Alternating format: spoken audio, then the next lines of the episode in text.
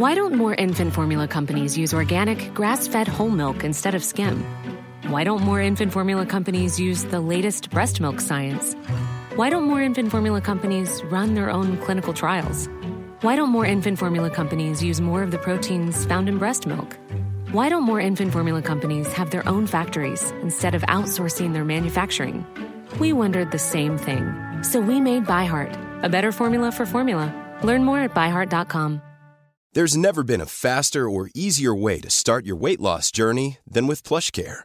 PlushCare accepts most insurance plans and gives you online access to board-certified physicians who can prescribe FDA-approved weight loss medications like Wigovi and Zepbound for those who qualify. Take charge of your health and speak with a board-certified physician about a weight loss plan that's right for you. Get started today at plushcare.com slash weight loss. That's plushcare.com slash weight loss. plushcare.com slash weight loss.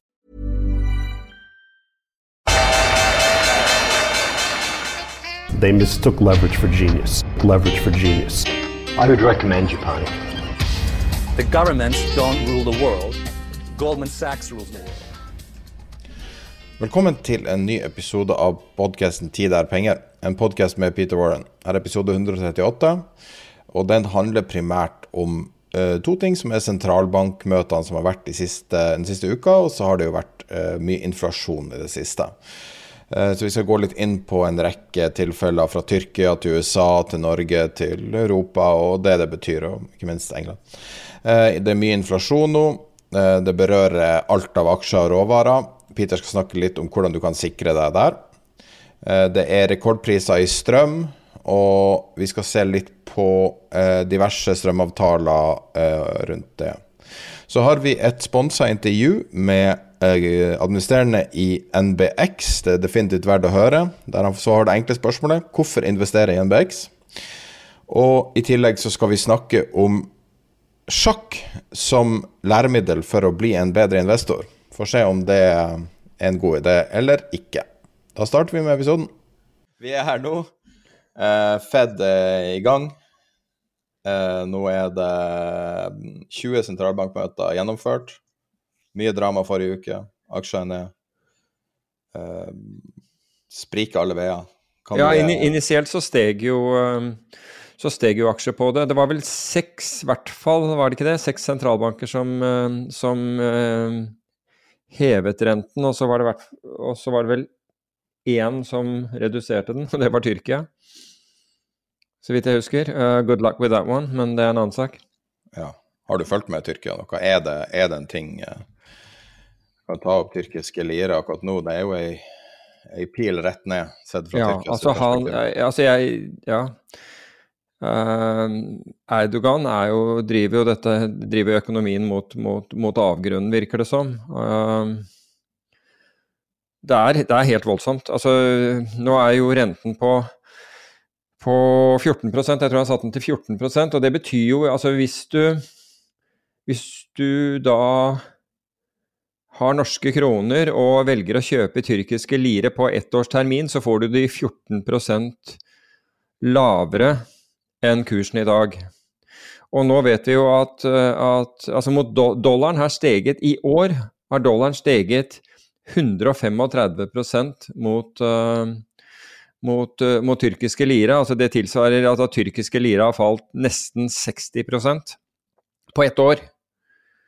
Så um, ja, det er, det er, helt voldsomt. Altså det, men jeg tror jo Jeg satt og tenkte på dette her i dag, at jeg tror at Erdogan har forsøkt å gjøre dette spillet som veldig mange andre sentralbanker har gjort, altså nemlig at de frakobler seg økonomisk utvikling. og at det er så store og det har sånne konsekvenser, f.eks. pengetrykkingen, at det går bra. altså Du bare muskler markedet dit du vil. Og så har Erdogan trodd at ok, hvis de kan gjøre det, og det er selvfølgelig mye større sentralbanker i mye større økonomier som har gjort det, type Federal Reserve, ECB eh, e og Bank of Japan og alle disse her andre, så, så, kan han også frikoble seg fra økonomisk utvikling, fordi det henger jo ikke på greip. Kan jeg stille ja, et enkelt spørsmål?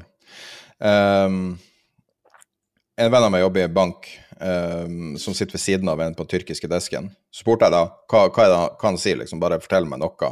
Er det noe å vite om det her? Det er en vanskelig situasjon å ha oversikt over i Norge. Og da sa han liksom, begynte han med fakta. Så jeg, men hva, var han føler, liksom, bare si hans magefølelse på det. Sier han det blir å gå bra, og at det her er veldig dramatisk, men han blir å klare å tviholde på makta og alt. Uh, for meg så fremstår jo det som helt irrasjonelt, men, men, men kanskje, hvem vet. altså Det virker å være et land. Og han sier også at at uh, fra deres perspektiv så fremstår Tyrkia som et stabilt land. Og det var også noe jeg ikke følte at det gjorde. Hvordan ser du på, uh, på Da lurer jeg på stabilt i forhold til hva? Altså jeg, jeg, på, på, mange måter er jo Tyrkia et stabilt land. altså hvis du begynner å, å I hvert fall hvis du begynner å, å, å sammenligne med enkelte av landene i Midtøsten og Afrika for, eksempel, så er det jo det. Men, men og, og det er jo velorganisert. Men Erdogan er jo villig til å ta dette her til over, over stupet, virker det som. Og altså når vi har tysker, sant, der er, unnskyld, tyrkiske lire på 17,5 Altså vi var Vi gikk opp gjennom 16 i forrige uke. Det er, det er voldsomme bevegelser. Det er, det er opp 20 øre siden sist du sjekka. ja, nettopp. Akkurat. Ja, 7 ned i dag. Ja, ikke sant. Det er, det er helt voldsomt. Det er rett, rett strek opp dollar tyrkiske, liksom. Rett strek. Ja. Så jeg lurer på hva som blir the end game der, om det blir rett og slett altså, ok, vi devaluerer og, og ferdig med det. Um, men jeg lurer, ja, jeg lurer på altså, men, har, Vet du årsaken til hele greia? Har du satt deg inn i saken? Nei, altså ja, ja, nei. Altså du kan si at han han er jo forbanna på det meste i, i, Vesten, virker det som, og, og får ikke, har ikke fått gjennomslag og, og viljen sin. Men han har jo kjørt et spill nå i veldig mange år. Han kjørte et spill mens krigen eh, raste i Syria. Nå snakker jeg om Erdogan. Og har, har på en måte bare økt innsatsen hele tiden. Nei, det, Man kan vel si at hvem vet hva som skjer der, og man må bare vente og se. Er det en grei oppsummering, eller? Ja, det er det for min del, men uh, absolutt. Men vi kan jo ta altså først og fremst Den, den viktigste avgjørelsen i forrige uke var jo, uh, var jo Federal Reserve, uh, som da ikke gjorde noe. altså, de gjorde ingenting med renten, men varslet da tre renteoppganger i løpet av neste år. Som for øvrig ikke markedet tror på, for det ser du på Fed Funds Futuren, som, som da ikke tar det eh, ikke tar det inn over seg. Den, den er mer moderat.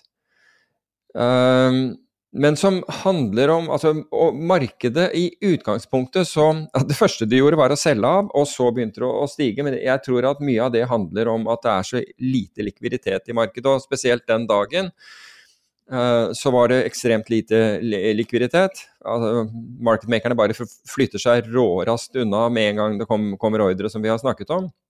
Men hvis du Altså hvis jeg skal på en måte oppsummere det som Powell gjorde, eller, eller, FOMC, da, det er jo hele Federal Open Market Committee, gjorde, så er det jo egentlig å kick the can enda en gang lenger nedover gaten. Altså man vil ikke ta grep, til tross for at man ser at inflasjonen er den, altså, den er jo tre, i hvert fall tre ganger det de håpet å, å, å oppnå i, i inflasjon. Da, da, man begynte å sprøyte inn penger, så hadde man et mål på 2 Og Den er i hvert fall tre ganger, tre ganger så høy, og vi har, eh, vi har problemer Altså realrenten deres er negativ Realrenten i alle land er egentlig negativ.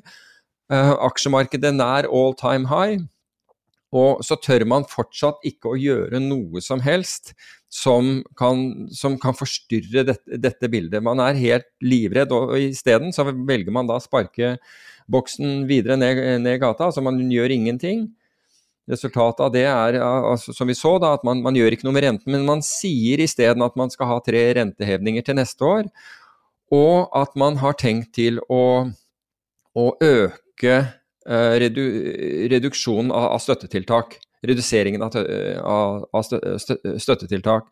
Og hva betyr det? Jo, det betyr altså mindre støtte betyr økt volatilitet i finansmarkedene. Hvorfor? Jo, fordi det er ikke noen som kommer inn hele tiden og kjøper markedet opp. Det er stadig mindre penger som skal brukes til det, og vi vil nå etter all sannsynlighet gå tilbake til et regime hvor vi må venne oss til større svingninger.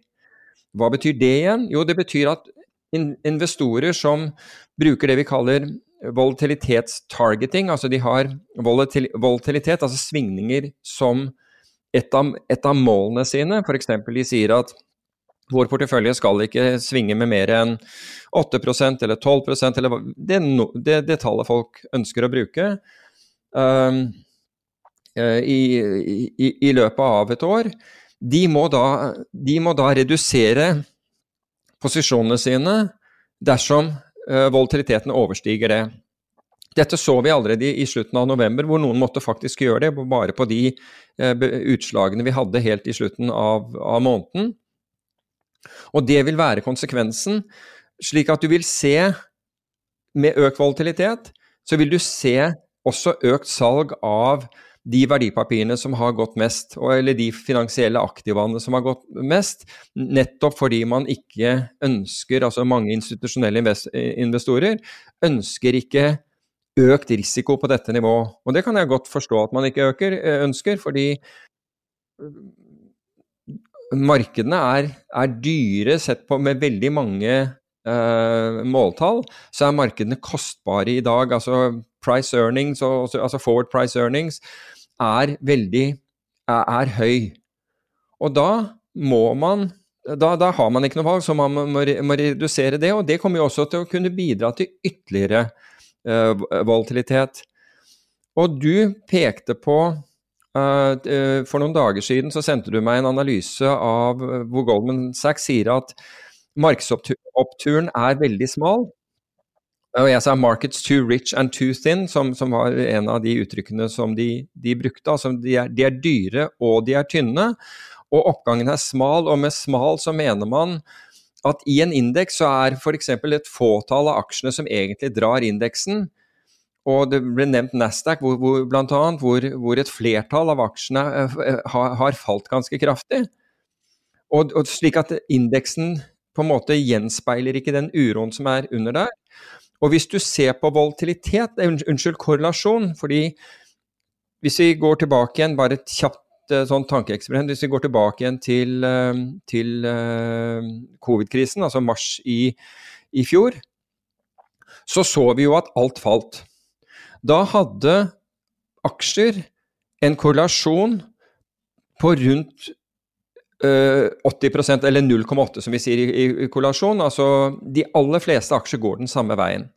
Og det er veldig vanlig. altså Korrelasjon kan bortimot gå til det, det kan bortimot det kan gå til 1, det går ikke over 1 fordi det er mellom 0 og 1. Og korrelasjon er hvor mye det samvarierer, aksjene samvarierer. Så når, når markedet falt, så falt alt. Nær alt. Øh, øh, hadde, hadde, hadde, samme retning. Det vi har sett i det siste, er nesten rekordlav korrelasjon. Den har falt ned til 0,2. Og det er noe av det laveste vi har sett. slik at det er, I dag er det ekstremt mye vanskeligere. Altså Hvis du er indeksinvestor, så så går porteføljen din likt indeksen. Men hvis du er stockpicker, altså av de aktiv forvalter, og du velger feil aksjer, så slår det voldsomt ut. Og Et eksempel på det er jo ARK-fondet, som da har Jeg snakket om dette, dette, fondet mange ganger tidligere, og som hadde en suveren track record i, i fem år forut for dette året her. Dette som blir forvaltet av Cathy Wood, og som øh, går inn i da i, i, fremtidig teknologi, deriblant Tesla, deriblant Coinbase og mange andre selskaper som de har, eh, har, investert i. Vi ser jo de er ned på året, mens eh, Nasdaq er opp over 20 Så dette, de fleste av de selskapene som de har, inngår jo bl.a. i Nasdaq. Så lav korrelasjon gjør det mye vanskeligere, men også mye mer interessant for, eh, for aktive forvaltere. fordi nå ser du hvem, hvilke av disse som faktisk er gode, og hvilke som egentlig bare flyter på at tidevannene kommer inn og løfter alle båter. Nå, de, nå, nå løfter ikke, nå løfter ikke eh, alle, alle, båter lenger, så det blir mye mer krevende å finne ut hvor man, hvor man skal ha pengene sine. Så det er definitivt noe jeg tror vi kommer til å se, eh, se fremover. Så økt volatilitet betyr jo en økt usikkerhetsgrad. Og når da korrelasjonen faller så mye som, som, den gjør, så må du være virkelig smart for å altså Da trenger du å være smart for å, for, for å tjene pengene dine. Den uh, Goldman-indeksen du refererer til, som sto i analysen, heter Goldman Breath Index. B-r-e-a-d-t-h. Altså mm. breddeindeks. Og det interessante nå er at den scorer jeg nå på, på fra 0 til 100 på 16. Og uh, for under covid så var den 100. Uh, og så kan man se tilbake på perioder der den har vært veldig, veldig lav. Rett før covid var den eh, veldig, veldig lav, under, altså nesten null. I 2016 var den nesten null. I 2011 var den nesten null. Og så er det litt sånn andre datoer der f.eks. i 2008. I 2000 var det veldig, veldig, veldig smal oppgang. Og så det 94. Eh, av, eh, starten av 90-tallet, og ikke minst da i 1987. Sånn mm. at eh, vi ser en tilsynelatende Eh, om, om, ikke eh, om, ikke kausalitet, så i hvert fall korrelasjon med tidligere krisesituasjoner, og det at jo smalere en oppgang er, jo nærmere toppen kan man være. Man kan si at det er i hvert fall en, en mulighet. Og så Når man ser på Nasdaq da, som indeks, så eh, oppturen man har hatt i år 10% av hele oppturen, altså, 10, altså en tiendedel av oppturen, er det kun Microsoft som står for. Eh, 8, en, altså 8 er Alphabet, altså Google, 8% er Apple, 5% er Nvidia og 2,8% er Tesla. Så hvis du tar bort alle de eh, aksjene, så tar du bort mer enn halvparten av oppturen. Eh, og du ser også det at eh, Du har også en annen måte å vise det fram på. altså Det er 493 selskaper de har tatt. Akkurat hvorfor det ikke er 500, vet jeg ikke, men de har tatt det. Eh, og, eh, altså av eh, SMP og SMP 500. Og, og da ser du at uh, du får akkurat samme eksempler. Nesten alle selskapene, hvis du er stockpicker og du ikke velger, MS, nei, du ikke velger Facebook, Tesla, Nvidia, Google, Microsoft og Apple, så vil du, um, så vil du performe akkurat uh, på, på, linje med alle andre, for alle er klumpa sammen rundt veldig lav avkastning. Og så Amazon har da utmerka seg negativt um, for, for, indeksen. Så um, veldig påfallende uh, tall. Men du, jeg, jeg følte vi forlot Fed litt fort. Um, kunne Når vi satt og så på samtidig, når, når, det skjedde, da, så tror jeg både jeg og du, i likhet med veldig mange andre, opplevde det samme, som ikke klarte å tolke helt hva som skjedde. Um, og, og, prøvde liksom i sanntid å, å, forstå hva er det vi er vitne til nå. Er det her en hammer? Er det her en, en mellomting? Er det her Og og eh, vi snakka jo da om liksom en mulig idé om at her kanskje var en ny æra der én ting har forandra seg ganske betydelig hos Fed, og det at de, hevd, at de utsier nå at de skal være mer reaktive og, og legge mindre planer. Hva du syns du om det? Jo, altså, jeg husker jeg, jeg, jeg sa til deg eh, ganske kjapt, altså når dette begynte, begynte, å dra altså Det første vi så var til nedsiden, så, så begynte dette å dra til oppsiden.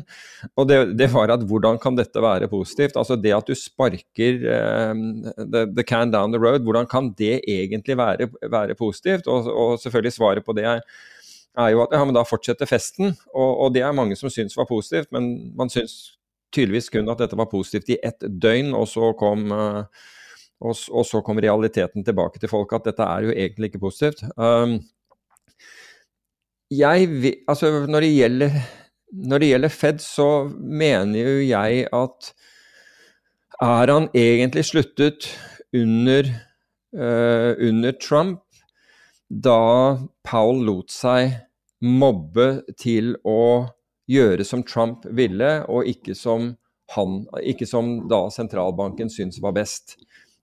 Um, så jeg føler jo at da skjedde skiftet. Og så hadde jeg ventet, for jeg, det var jo usikkert på hvem som skulle, i hvert fall trodde jeg det, som, som, hvem som ville bli eh, ny eh, Fed-sjef, altså om, om Powell ville få fortsette. Og jeg, jeg, ble faktisk litt overrasket da Biden lot Powell uh, fortsette.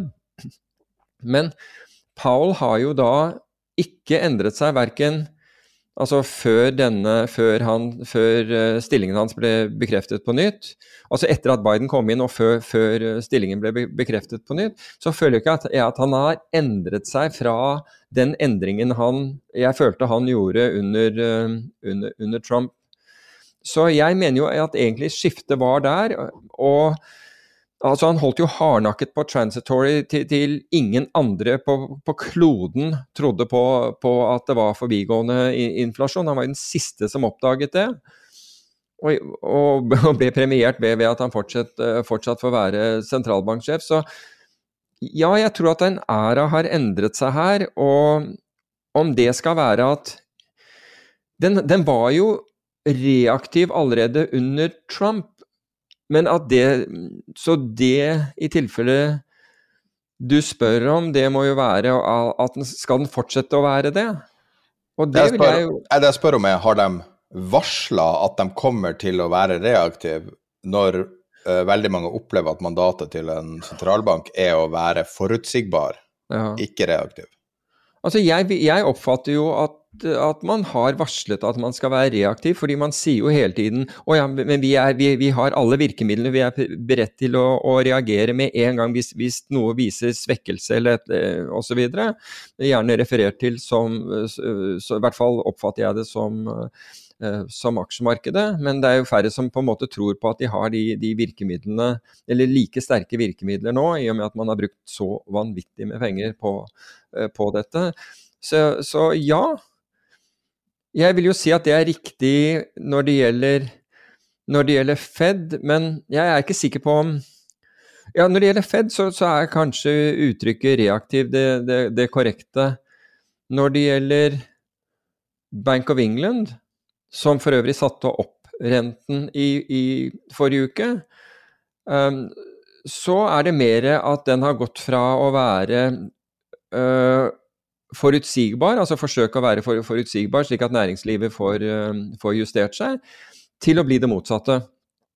Og nå må jeg jo si at på basis av det jeg hadde lest, at, at uh, den britiske sentralbank hadde uttalt, så forventet jeg at de ville sette opp renten denne gangen, for man gikk fra å si at man skulle gjøre det, til at man ikke gjorde det, til rett etter at man ikke hadde gjort det, sagt at vi burde ha gjort det, og så si, sier de for, forut for dette møtet at de skal gjøre det. Men det som da forbauser meg, og dette er jo folk som har, sitter på mer data og bruker langt langt mer tid til å tenke på dette enn meg, og da tenker jeg bl.a. på økonomene hos Goldman Sachs og, og, andre, de ble tvert imot overrasket ved at de satte opp renten. Mens jeg mente at, at det, var, det, var, logisk ut ifra ut ifra det, det som var sagt. Men som sagt, jeg føler jo da at når langt smartere mennesker enn meg har kommet til motsatt uh, konklusjon, så sitter de på, på, et bedre datagrunnlag enn det jeg gjorde. Altså, jeg kan, altså for min del så det, altså kan det være naivitet som gjorde at jeg, at jeg fattet den, den, konklusjonen. Men uansett så blir det i hvert fall sett på som utrolig lite populært at de, uh, at de hevet renten. Og det var tross alt bare 15 basispunkter, men, men allikevel, det ble sett på som ekstremt upopulært. Så, så, der er Bank of England, og jeg vil jo dermed si at den har gått til å bli ekstremt uforutsigbar. Jeg syns jo når sentralbanksjefer sier at eh, vi er bekymret over inflasjonen og må nå foreta oss noe, så er det et ganske klart signal til at man har tenkt å sette opp renten. Slik at når man ikke gjorde det, og dette er da i november, så ble, ah, så ble, markedet ekstremt sjokkert. Og så har man på en måte beholdt den, den, den usikkerheten videre. Jeg, jeg blir, eh, ja. Mens Norges Bank på, på, på sin side, da, de, de hever jo også rentene. Og du kunne jo si at gitt inflasjonen, det som har skjedd med inflasjon her i landet i mellomtiden, så så jeg at noen økonomer eh, trodde at det var mulig at man ville avvente det. Og jeg, jeg forstår det jeg, jeg forstår den, eh, det, det, synspunktet, hvilket da sentralbanken ikke gjorde. De, øk, de økte renten. Ja. Så um, Man trenger bare å se på realboligprisveksten i Norge. Uh, ja. Vi har en graf som vi sender ut med nyhetsbrevet også, som viser forskjellen på altså hvordan Norge har utvikla seg, og hvordan Oslo har utvikla seg. Mm. Og kom og fortell meg at det der ikke er inflasjon. Altså det, det, er, og det, og det har vi jo hele tiden. Opp, liksom. Absolutt, og det har vi jo hele tiden hevdet at det er. At dette her dreier seg At det er veldig inflatorisk. Men der har man jo for, altså, veldig forbausende, syns jeg, lukket øynene for dette her i, i, år ut og år inn, slik at du har fått en vanvittig eh, boligprisvekst. Jeg vet ikke hvordan det er i Norge, det har jeg faktisk ikke sjekka, men i USA endra de jo måten å regne inflasjon på, altså CPI-tallet, KPI-tallet i Norge. Ja. De endra jo der at du gjorde en relativt subtil endring av uh, hvordan du regner uh, boligprisveksten, eller da var det vel rent... Nei, det gått over til å være bare leiepriser. Og, uh, men de har klart å isolere ut boligprisveksten fra KPI-tallene i USA. Og jeg vil regne med at det er en grunn til at man også har samme i Norge nå, at man ikke får den 70-talls hyperinflasjonen, er rett og slett fordi at vi regner inflasjonen på en annen måte. Sånn at vi er allerede der. Det er allerede 70-talls hyperinflasjon. Hadde mm. vi bare brukt deres regnemåte. Så inflasjon er mer enn melk og brødpriser, som det historisk sett har vært målet på. Det er mange ting du må ha for å overleve, og bolig er definitivt en av dem. Ja, absolutt. Absolutt. Men det er jo ironisk nok så er jo faktisk leieprisene ikke så veldig høye i Norge. De har jo ikke fulgt eh, eh, salgsprisene. Det samme ser man jo f.eks. i Zürich og sånne plasser, sånne veldig høye eiendomsprisbyer, mm. der at leieprisene ikke matcher månedskostnaden med å låne penger og kjøpe en bolig. Nei, og da kan jo nettopp det at du setter opp renten påvirke påvirke også boligmarkedet sterkere enn ellers. For hvis du som eh, boligutleier automatisk kunne overføre de kostnadene til, eh, til leietaker, så vil det ikke være et problem. Men hvis du ikke kan gjøre det, så, begynner, så, så går jo din margin ned. Tror du det er en economy of scale der? Tror du at de store kan gjøre det, men de, dem som har én eller to, ikke kan? Jeg vet ikke. Um, jeg, jeg, jeg, er usikker. Jeg tenker jo på han, eh, jeg husker jo aldri hva han heter, han uh, implisitt Norges rikeste som eier en milliard leiligheter i Norden. Hva han heter Fredensborg Eiendom? Fredensborg, ja. Jeg husker aldri hva han heter. Ivar Tollefsen? Ja. Jeg tenker mm. Han er jo så eksponert som det fysisk mulig å være for skandinavisk eiendom, gjerne i pressstrøk også. Mm. Men, og han er differensiert i mange land, og, men, men med hans størrelse så skal jeg tro nesten han er isolert fra det her, men, men det er godt å si, da. Jeg vet ikke. Jeg vet ikke, men det, han har, det er en stor portefølje. Men det er som du sier, den er, den er, i, hvert fall, den er i hvert fall diversifisert over flere markeder. Han har vel aldri tatt ut cash i noen form. og altså Han har bare reinvestert og reinvestert. Så vidt jeg vet, starta han med ei leilighet også. Det er ganske sykt. Wow. Ja, det er en um, imponerende historie. Men så kontraintuitivt, da, så er det jo den der JP Morgan JP Morgan-synet som er at vi kan få en short-squeeze nå inn i nyttår, altså pga. at folk nå begynner å gire seg så til de grader for ei stygg avslutning på året, og at, at det da ikke kommer? Um, ja jeg, jeg, vet ikke. altså Hvis du ser på Fundflow, så, ikke, så virker jo de så positive at jeg, jeg ser ikke den der at man Altså jeg, jeg ser at man har kjøpt sikringsinstrumenter, det er en god del som har gjort det. Og jeg syns jo Nå skal man ikke drive selvskryt, men jeg syns jo den, den, eh, den uh, opsjonsstrategien som vi, vi, snakket om, som på en måte låste inn eh, en, en veldig solid gevinst, ga mulighet til videre oppgang hvis de gikk videre, men, men, beskyttet en for, for et fall på, opp, på opptil 10% Jeg syns jo den har, har, fungert ufattelig godt i, i dette markedet. Lurte litt når, når markedet kom opp med, med, Fed, men tenkte ok, hvis dette drar til oppsiden, så er man med likevel. Så det er, det er ikke så galt. Men du ser jo at folk kjøper sikringsinstrumenter, men samtidig så ser du voldsomt med nytegning i, i aksjefondene. Og det er klart at da Så jeg er ikke så, så jeg tror er jeg, jeg, tror mange sikrer seg, men, men, men, flertallet gjør jo ikke det. Det er jo ikke en tvil om at, de, at flertallet har gassen godt begravet i båndbordet, altså for å, si, for å si det på den måten. Ja, men Hvis du ser på belåningen, ikke sant? belåningen er nær rekordhøy. Så den har jo fulgt, fulgt uh, markedene. Så du ser jo at og, du ser, jeg, og det eneste tegnet jeg ser altså Det at markedene er tynne og faller så, som de gjør, altså uh, på, på, dager hvor det er ned, det er, et, det er en funksjon av at infrastrukturen er dårlig i markedene når det gjelder å, kunne ta imot store volumer. Så de som skal ut, de, de, kommer ikke ut til de prisene som de håper på. De, de må, må, ta en rabatt, rabatt, på det. Men sånn er markedene. Så, men jeg, jeg, leter litt etter Altså etter at du fikk den voldsomme short-inndekkingen etter det novemberfallet, det som Goldman sa var, var en av de var en av de største short-inndekningene, i hvert fall. Var, var de sa, største de hadde sett på seks måneder. Altså, det, det, ble kjøpt noe så voldsomt. Så har jeg vondt for å se at dette markedet her er, er negativt.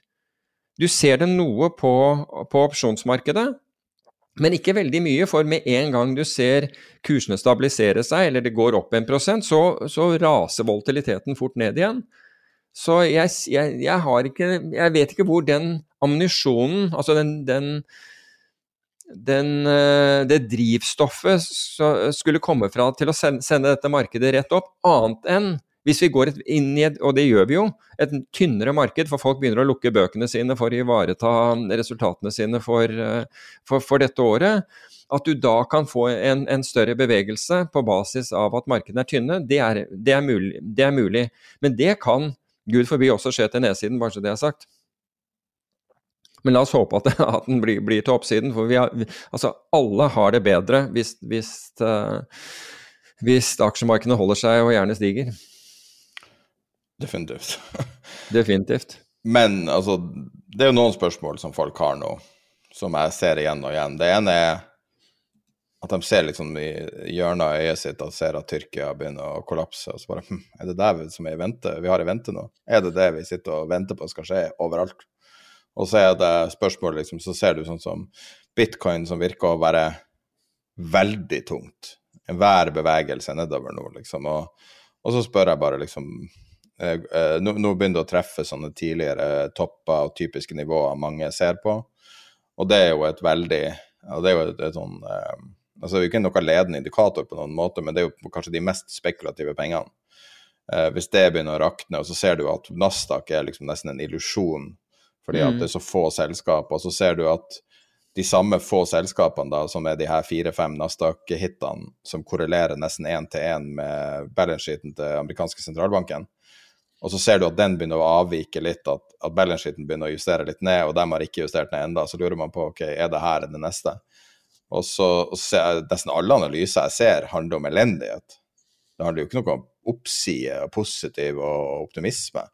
Det er jo en grad av elendighet. og jeg, jeg, altså jeg, det er mulig at jeg leser det på, på en annen måte, men uh, det, nå i helgen så var det vel en eller annen femgangeren på et eller annet og firegangeren på noe annet. og jeg, jeg ser ikke det Hvor du leste det? Det, svart, det, det, må være Finansavisen, det er vel bare de som skriver Ja, men Nå snakker jeg om analyser, altså sånn uh, økonomiske analyser. Media ja. er nå én sak, men altså. Det, det, påpekes jo, altså det påpekes jo denne spekulasjonsbølgen. Og det er jo ingen tvil om at vi, vi er inne i en spekulasjonsbølge drevet av kreditt. Det er helt opplagt at, at, vi er. Og så sier man at, at uh, dette at ARK-fondet, som vi snakket om tidligere i dag, Um, er ned, og en del av de du nevnte, og for så vidt bitcoin og, og, og disse andre er ned fra toppene sine, er et tegn på at, at dette er i ferd med å, å endre seg. Men det betyr ikke nødvendigvis for meg at alt endrer seg. Altså det, det kan være at når rentene stiger, og når jeg sier når fordi det gjelder Norge og det gjelder noen land, og, men ikke, alle enda, um, så vil jo Eh, verdien av fremtidig eh, cashflow, som andre ord at du ikke har inntjening i dag, men håper å få den langt frem i tid, være mindre og dermed påvirke verdien av de selskapene negativt. Men så har du andre selskaper som har veldig solide balanser, fordi de har klart å, å, å, bygge opp bra med cashreserver og låne seg penger og hva de måtte ha. Altså sånn, så de har i, i beredskap, som vil nyte godt av dette. Så du, at du får rotasjoner, det, det, tror jeg absolutt at du får som følge av det, fordi det er ganske store makroøkonomiske skift. Altså, hvis du ser på det, da, så, så har du Europa som, da, hvor enkelte land stenger ned. USA, hvor man skal da ta, eh, redusere Uh, redusere verdipapirkjøp, altså så det går utover pengepolitikk. Og Kina, som reduserer vekstanslag. Det er ganske store makroøkonomiske skift implisitt i de tre tingene. som egentlig markedet forsøker å, forsøker å, ignorere. Så det er jo helt opplagt ting som gjør at vi kommer til å se endringer. Hvorvidt, altså Når du nevner bitcoin, så er jo vel bitcoin fortsatt opp mer altså Har en høyere avkastning, i hvert fall, og da ser jeg frem til nå. Uh, enn noe aksjemarked i uh, no, no, noen av aksjemarkedene. Det fins sikkert et eller annet aksjemarked et eller annet sted som kanskje har gått mer. Må være Venezuela eller noe sånt. Men uh, men så Google er opp mer enn bitcoin i det år. Ok, ja, det, det, det, er selvfølgelig GameStop fortsatt også og noe andre. Men hvis du, hvis du ser på aksjemarkedet, da, så er det, er det, få som har, har slått bitcoin, og, og, og, antageligvis ingen i hvert fall som har slått Ethereum. Så, men det som, det som jeg tror er fellesnevneren på der hvor det, hvor, hvor, det, hvor det, føles farlig, det er det er belåning. Det er at man har giring i, i disse. Så, så, det er det som etter min oppfatning går igjen. Og har man belåning, så blir man, uansett om du er en kryptovaluta eller om du er et, uh, er et uh, børsnotert selskap, så blir du en risky asset. Og når folk reduserer risk, så er det risky asset som, det går, ut av, går utover som regel. Så f.eks. hvis du ikke hadde hatt belåning i kryptoverden, så hadde jeg følt meg mye mer komfortabel med den. Mye mer komfortabel. Men det vel vitende om at det er stor grad av belåning, og når vi ser disse kraftige nedsalgene som vi gjorde for noen, er det et par uker siden nå, hvor det, hvor det falt en 20% da blir folk solgt ut, fordi de rekker ikke å stille cash, det er ikke mulig. Så de blir solgt ut av, av posisjonene sine nedover, og det øker jo For det første så tar det disse menneskene ut av, av investeringen og, og, realiserer tapene deres. Um, og da kommer antageligvis ikke de direkte tilbake igjen, fordi de klarer ikke å få, få, få sammen pengene, pengene, raskt nok. Men det gjør at mange ting beveger seg på en måte Disse tingene beveger seg samtidig, samtidig da. Så. Ja, og vi har jo fortsatt eh, strengt tatt evig på sentralbank og rentemøter og ditt og datt som tema. Og i ja. Norge er det jo et stort tema som uh, strengt tatt er litt utenfor vårt nedslagsfelt, siden det begynner å grense over i politikk. Men det interessante er jo nettopp det at det er jo ikke meninga at sentralbank skal være politisk. Og nå har da man fått to seriøse søkere på en ny sentralbanksjef i Norge. Uh, Jens Stoltenberg, og så tidligere vise Nei, hun er viseadministrerende i ja, Ida Wolden Bakke. Ja. Og, og de er da kommer med helt forskjellige typer kvalifikasjoner. Um, har fått uh, Situasjonen har jo utvikla seg ganske mye. I starten var det vel relativt unisont positivt på ideen om den, den prøveballongen som var i media med at Stoltenberg skulle stille. Etter hvert har det vel blitt et uh, ganske splitta syn på det. Uh, Støre har vel sagt at han må uh, recuse seg sjøl fra all samtalen fordi at, at, han er for nært han til å, holde, til å ta den avgjørelsen. Jeg vet ikke har du, du var jo tidligere veldig fan av Eller veldig Du var fan av at han skulle kunne bli sentralbanksjef. Har du endra mening, eller? Nei, jeg har for så vidt ikke endret mening, men du, du, kan si at jeg er like mye, og kanskje enda, enda en tanke mer um, fan av Ida Wolden Bakke. Um, jeg tror begge kan gjøre en, en veldig god jobb. Um, jeg har for øvrig tilsvarende kvalitet, som, uh, kvalitet med, med, Ida Wolden Bakke, fordi uh, hun uh, Jeg la merke til at og det er at jeg har vokst opp der hvor hun bor, på, på, på, Stabekk. Men, men, i hvert fall, jeg syns begge to er, er, veldig gode kandidater. Jeg ser mange, også utlendinger, være opptatt av, av uavhengigheten til sentralbanken, og, og, sette den litt i spørsmål, spørsmålstegn ved den dersom eh, Stoltenberg blir eh, sentralbanksjef. Um, så det er, det er, i hvert fall en grad av fokus på det. Men så la jeg også for øvrig merke til Du sier bare to kandidater. Det er jo mange kandidater til dette her. og nå så jeg at Nicolai Tangen var ute i for, eh, det var vel i forrige uke ved en eller annen konferanse hvor, om mangfold. Og det var ganske interessant. altså Han, han, er, han er borti mye rart. Men ikke det at ikke mangfold er, er, viktig. Men de som var i flertall, altså jeg bare nevner altså Du har, du har da én generalsekretær Og du har én viseadministrerende som har søkt, de er det bare én av eh, begge, begge, altså hver av disse her. Men du har fire pensjonister. Ja, det så jeg. Og så tre studenter. ja, eller, ja to, eller, to, eller, tre studenter, så det var ganske interessant. Altså, jeg så nedover. Altså, det ene er da tilsynsvakt fra Tertnes. Men tilsynsvakt fra, fra Tertnes det er opplagt en viktig egenskap, altså å, å kunne føre tilsyn. Så hadde du en bussjåfør fra Rogn. Han må man kunne si har styring, jeg syns det var bra det òg, jeg. Så har du en rørlegger fra Gressvik, altså han, da, da, da holder du i hvert fall greia tett. Pensjonist fra Sandefjord, det er jo fint å ha, ha eh, jobb å ha. Eh, absolutt. Baker Sandnes, den, der har jo andre snakket om sentralbaker, så den, den, eh, den var jo helt liksom opplagt. Lærling fra Stokke, kan ikke si at ikke han er ambisiøs. Hva annet er det hun har her, da? Du har ja, student fra USA. Det er greit å ha en jobb ved siden av skolen, tenker jeg. Det er, ikke dårlig, dette her. Så så jeg styremedlem og visiting fellow fra Sveits. Han ville være da, altså Dette er da visiting fellow, da er du vel akademiker, tenker jeg, eller professor eller et eller annet sånt. Som syntes at det kunne være greit å ha. Han kunne jo pendle, sikkert. Og også, ja, så har du pensjonist Oslo. Og så har du da en, en, nok en ambisiøs student, denne gangen fra, fra Ski. Så jeg syns jo, altså hvis det er ikke noe gærent med mangfoldet her, det skal sies. Så jeg tror at eh, når, eh, når Nicolai Tangen, det var jo selvfølgelig på vegne av, eh, av oljefondet, var ute etter mangfold, så, så, må jeg jo si at man oppnår det også i, i, i søkerne på, etter sentralbanksjef. Det er en grei jobb å ha ved siden av studier, det der, tenker jeg. Ja, men hva med det her, da? Skal jeg komme med et forslag, skudd fra hofta? Hva hvis man sier ok, greit, du skal få premie for ambisjonene. Vi lager en rådgivningskomité som en gang i måneden skal få lov å komme med innspill basert på siste måneds hendelser og det sentralbanksjefen har gjort. Så dem som ikke får jobben fordi at, altså For å være helt ærlig, så eh, ja, eh, Man kan tulle med det og si at ungdom er ikke kvalifisert, men, men altså, de er jo dem som kanskje er mest påvirka av alle av beslutninger som blir tatt, fordi at de skal leve med det i et helt liv.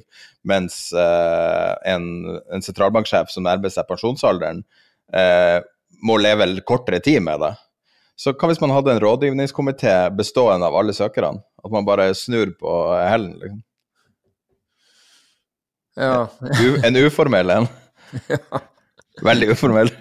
ja, det ville bli veldig uformell. Møtes på kafé, kanskje?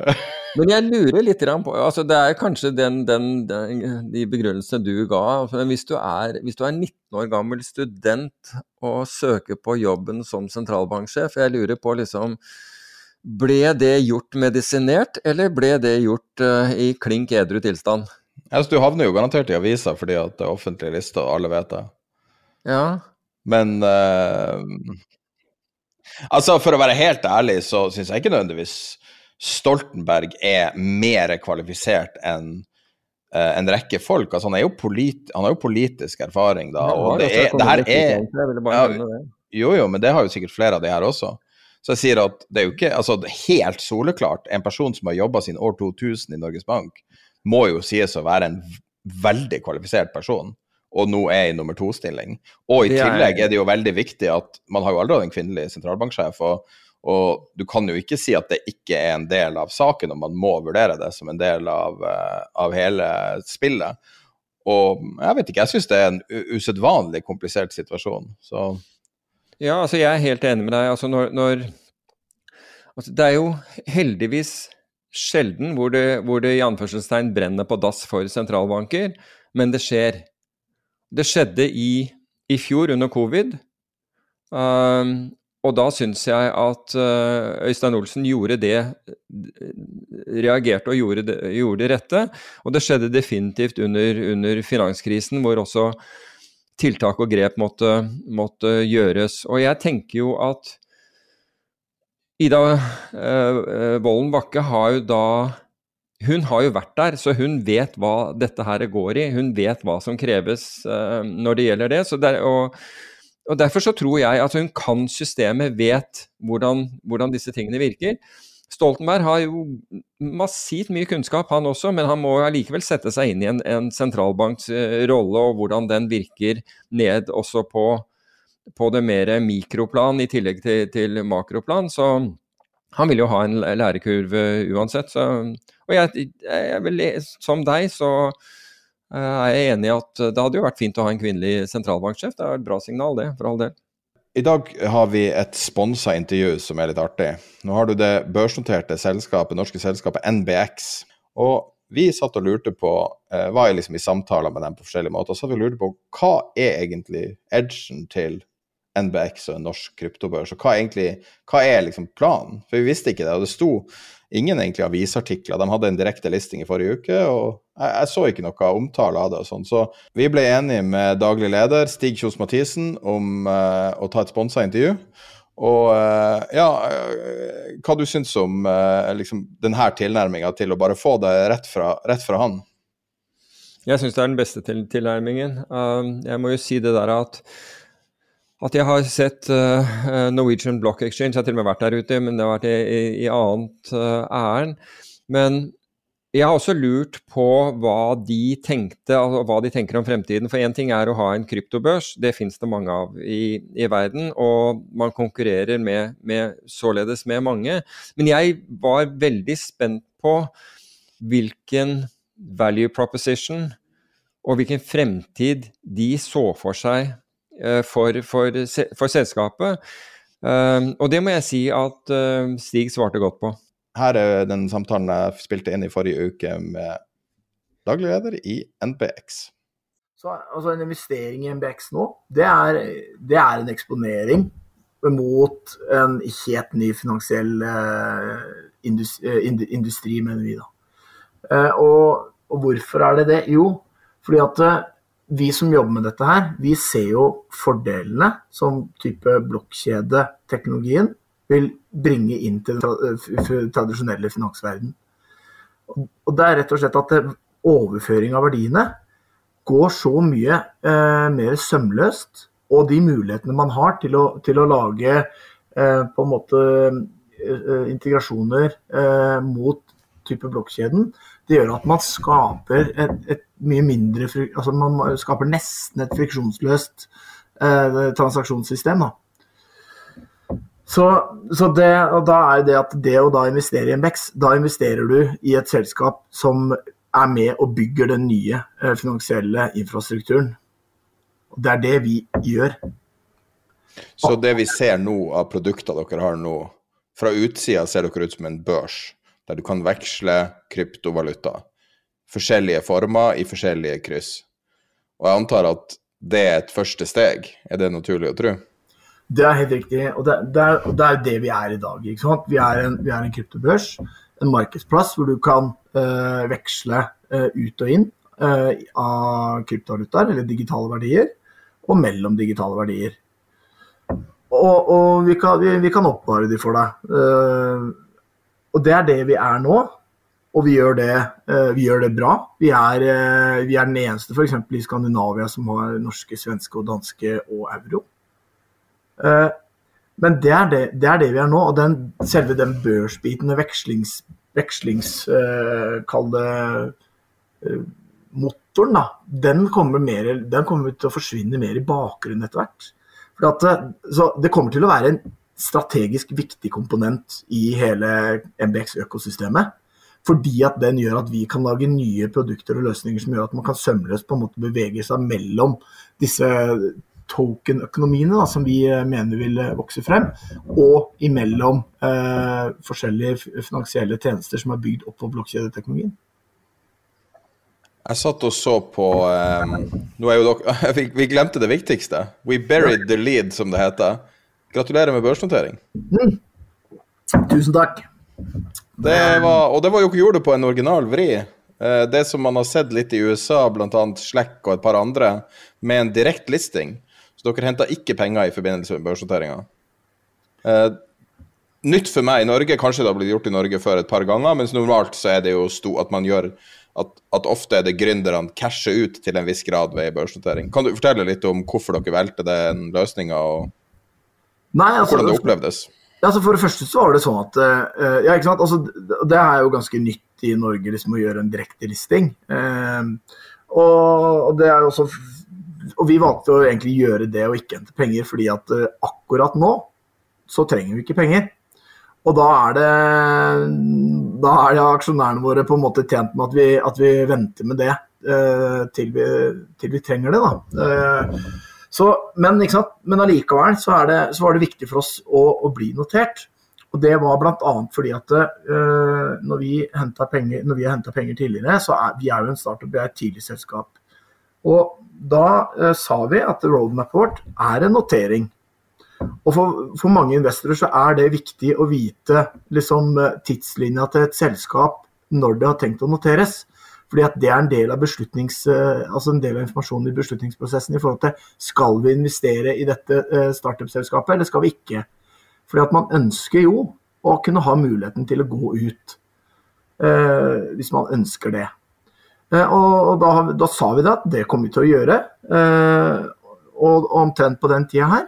Og da er det klart at da, da holder vi det vi lover, for å si sånn. Men så har vi også kommunisert at det, er ikke det at vi, vi ikke trenger penger seinere, Og det har vi vært helt åpne på hele veien. Det, det vi har sagt er at vi jobber mot en, eh, en banklisens, eller en bankkonsesjon. Og det vi vet, er jo at eh, når vi får eh, bankkonsesjonen av Finanstilsynet, så kommer det til å komme med et kapitalkrav. Og vi vet jo ikke hva det kapitalkravet er, men det vi kommuniserte når vi, når vi henta penger i fjor, vi henta jo omtrent på den tida her så vi 60 millioner. Da sa vi at når vi får bankkonsesjon av Finanstilsynet, så forventer vi også at de kommer til å stille et kapitalkrav på kanskje 200-300 millioner. Og det er klart at Da må vi ut i markedet og hente det.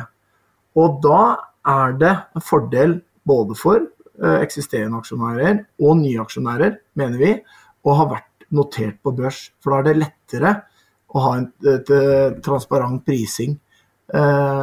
Og på en måte en trygghet da, i forhold til på den prisinga man henter penger på for, for, både nye og gamle eh, eiere. Da kommer vi jo litt på kjernen i hele diskusjonen rundt å være NBX i 2021 og inn i 2022. Med første øyekast kan man si ja, dere er supermoderne selskap. Alt er moderne. Du har krypto, du har, du har eh, bitcoin som de fleste har hørt om, du har NFT-er som begynner å bli stort, og du har alle de her eh, desentralisert finans, og du har alle de her tingene her som, som er så nytt alt sammen. Men mm. når jeg ser dere, så det som er altså, betryggende da, fra, hvis man, som, som, fra investorutgangspunkt, da, er jo at dere er jo egentlig et relativt tradisjonelt selskap. Selv om det dere dealer i, er i veldig nye ting så er jo strukturen deres som en børs, og da framtidig som en bank, vi er jo kjente strukturer. Og med å være børsnotert. Eh, hvordan opplever du det? Hvordan situasjon putter du deg sjøl i? Nei, det er, jo, det er, jo, på en måte riktig den oppfatninga du har, og det er jo også det vi prøver å oppnå. ikke sant? Fordi at uh, vi mener det at det går helt fint å operere med den nye, altså med den teknologien her innenfor den, de rammene og reguleringene som er. Nå er det ikke sånn at det ikke gjør noe at det kommer liksom, det tydeligere reguleringer eller rammer i hvordan, uh, hvordan uh, tilsynet og myndigheter og andre finansielle institusjoner skal forholde oss til, den, den, til kryptoselskaper. Det er bare bra, for det gjør det enklere for oss å operere utenfor Norge og i Europa. Men det er jo nettopp det som, det som vi, Hvis vi skal på en måte altså Det er nettopp det, ikke sant? Dette er en helt ny teknologi. Og hvis du skal på en måte øh, skape en øh, trygghet rundt øh, at folk skal altså skape nok trygghet til at folk skal kunne bruke det, så er det også viktig at det er noen som har, har et tilsyn med oss. Og da er det liksom de som driver med tilsyn og sånn, det er Finanstilsynet, da. Og så kan du si at ja, okay, ønsker man egentlig å være under, under tilsyn av Finanstilsynet i forhold til de reglene som kommer der, så er det sånn ja, fordi at det er det som må til for å skape den tryggheten for at folk skal bruke det. Ja, og så kan man si at ja, men, så er det mye kritikk mot uh, Finanstilsynet om at ikke de på en måte er nok, nok vennlige mot fintech og sånn. Ja, OK. Men det er liksom, det er, dette er, det er den veien vi må gå da, for, å, for å komme i mål. Jeg vil si at staten har imponert ganske mye i det siste med å være mer kompetent enn jeg ville ha trodd. På to punkter. Det ene er jo innføringa som har skjedd denne uka, som er innføring av nye crowdfunding-regler. Uh, og det at man lager en ny seksjon for det, det er jo også en helt ny Det er jo ikke, jeg har ikke knyttet til krypto, men det er liksom moderne. Og så har du uh, Vi hadde for tre uker siden intervju med kryptoeksperten i skatteetaten, altså fageksperten. Og han var kompetent som bare det. Og jeg vedder på at han har fått jobbtilbud etter det korte intervjuet, fordi at han bare viste at han virkelig kan, visste hva han snakka om. Og, og, det jeg føler, er at kanskje vi er klar for det her, det som føles som det er så framtidsretta. Og da er jo det naturlige spørsmålet, hvis Norge er klar for det, da, hva er forskjellen på altså, er, det, er det en fordel å være en norsk kryptobørs versus en utenlandsk? Hva, hva er liksom oppsida for, for kundeopplevelsen? Altså, ja. Og, og da, her er det liksom fordeler i forhold til kundegrupper. For norske kunder så er det åpenbart en, en fordel å ha et, et, norsk selskap. og Det har med, liksom, med, med lokal til, til, tilhørighet. Og, og, det gjør også at det er enklere da, for liksom, norske å, å, bruke MBX kontra en, en utenlandsk. Fordi du, du omborder med bank-ID f.eks., som det du er kjent med. Det er, det går, det er liksom sømløst å overføre penger gjennom med bank-ID eller altså open banking-løsning, hvor man også bruker bank-ID, og du overfører i norske kroner. Så slipper på en måte den valutavekslinga til euro. Så, så, sånn sett så er, det, så er, det, på en måte bedre og tryggere for Eller enklere da, for, for, norske brukere. Og så er det også det at det føles nok litt tryggere også å ha et norsk selskap. Men hvis vi ser for det internasjonalt, så mener vi også at det er en fordel av det å komme fra Norge. For det, i Norge så er vi Man har tillit internasjonalt, så har man tillit til norske selskaper. Det er ikke, det er ikke mange skandaler med norske selskaper. Eh, og, og, og, selv om man på en måte har, har noen innimellom, så er det liksom det er, på, det, er på, det er, i liten skala, og det blir, liksom, blir ordna opp. Eh, så, så det, og det er jo det er åpenbart et helt bevisst valg at vi ønsker å være regulert i Norge, fordi vi mener at det, den kalde tryggheten som det gjør å være regulert i Norge, den kan vi eksponere, nei, eh, eksportere ut. Ja, jeg er helt enig. og Jeg, tenker på en venn av meg fra, fra Sveits som fortalte en historie her en dag som er veldig relevant for det her. Han hadde fått betalt i kontanter for mange år siden av en eller annen kunde, om det var et salg av noe. Altså han hadde litt penger. Nok penger til å bry seg om det, men ikke nok til å ikke veksle da. Og så på den tida det hadde gått da, så hadde, hadde pengene blitt utgått, de gamle 500-lappene han hadde. Og Så tok han kontakt med Norges Bank og så sa han jeg har gamle 500-lapper, kan jeg levere det inn til dere og få det liksom tilbake i, i penger som er, som er, ekte? Og så sier de ja, du kan sende det i posten, og bare send det i brev. Og så sier han så sender det liksom med DHL, men hvordan vet jeg at den personen som åpner brevet, ikke tar pengene i Norges Bank? Og de bare Hva du snakker om? sier han nei, altså, han er, han er ungarsk. så sier han men hvordan vet jeg at de ikke gjør det? Så bare, men jeg forstår ikke spørsmålet. Og det syns jeg illustrerer Norge veldig godt, og merkevaren Norge har utad, som er at å være kjeltring i liten eller stor skala er veldig lite norsk. ja. ja, ikke sant. Jeg ser, altså, det er, ja, tanken bare slår den ikke engang, at det er liksom et alternativ. Det har ikke, ingen har stilt spørsmålet før engang. 654 er et tall det er hvor mye mer Coinbase er verdt enn NBX i dag. Og når man snakker om kryptobørser, så er det veldig naturlig å se på Coinbase. Det, den det var den første jeg hørte om i stor skala. Mm. Den som er kanskje mest seriøs, mest komplett produkt. Um, uh, value proposition. Mm. Men det er jo også til en viss grad negativt sånn investeringsmessig, fordi at man vet hva man får, altså kan man si. Sånn at der er mye av verdien tatt ut. Og, og, og det er jo liksom da et dumt spørsmål er er det det dere prøver å være? Prøver dere å strekke dere mot å være Coinbase? For du har jo på en måte til en viss grad en Du vet jo hva de har gjort som har funka. Er det det mm. som er målet, å gå i den retninga? Ja, det er ikke sånn at vi nødvendigvis skal liksom kopiere Binance eller Coinbase eller noen av de store. Men vi ser jo selvfølgelig på hva de store har klart å få til bra. Og det er jo ingen grunn til å liksom f.eks. ikke prøve å gjøre det, eller eventuelt gjøre det de gjør bra, bedre. Men det er klart at eh, vi skal ikke, vi skal ikke bare være en, en, eh, en kryptobørs. Det er der vi begynner. Og så bygger vi videre mot rett og slett å bli en digital asset bank. Og, og, og, det å være en eh, bank for digitale verdier, da kommer vi til å være ja, Sier vi at vi får den, sier vi klarer å lande den banklisensen, at den ja, nå, sier, vi, sier vi har den tidlig i 2023, da. Da, da kommer vi fortsatt til å være, tror jeg Jeg tror fortsatt at vi kommer til å være blant de, de ti første bankene i verden. Ikke sant? Eh, kanskje blant Ja, kryptobanker. Kryptobanker, ja. Ikke sant? Kanskje blant de 20 første, hvis, hvis det virkelig har vært eh, noen som har eh, klart å, å få gjennom eh, konsesjonssøknaden tidligere. Så, så, man er definitivt tidlig ute. Og det som man ser at det, det som er, det som er børsenes eh, det, børs, det, veldig mange børser prøver å få til, da, det er jo det å få eh, Kall det midlene som de har i custody i arbeid. For at eh, hvis, du, hvis, du, ser på hva, hva, en kryptobørs har lov til å gjøre, så er det vi kan, vi kan oppvare og vi kan veksle. Og Det samme gjelder også i utgangspunktet for uh, kall det vestlige land, altså USA og sånn. ikke sant? Man har ikke lov å ta innskudd i renter. Men ikke sant? Coinbase Jeg vet ikke hvor mange, mange milliarder US dollar de oppbevarer for kundene sine.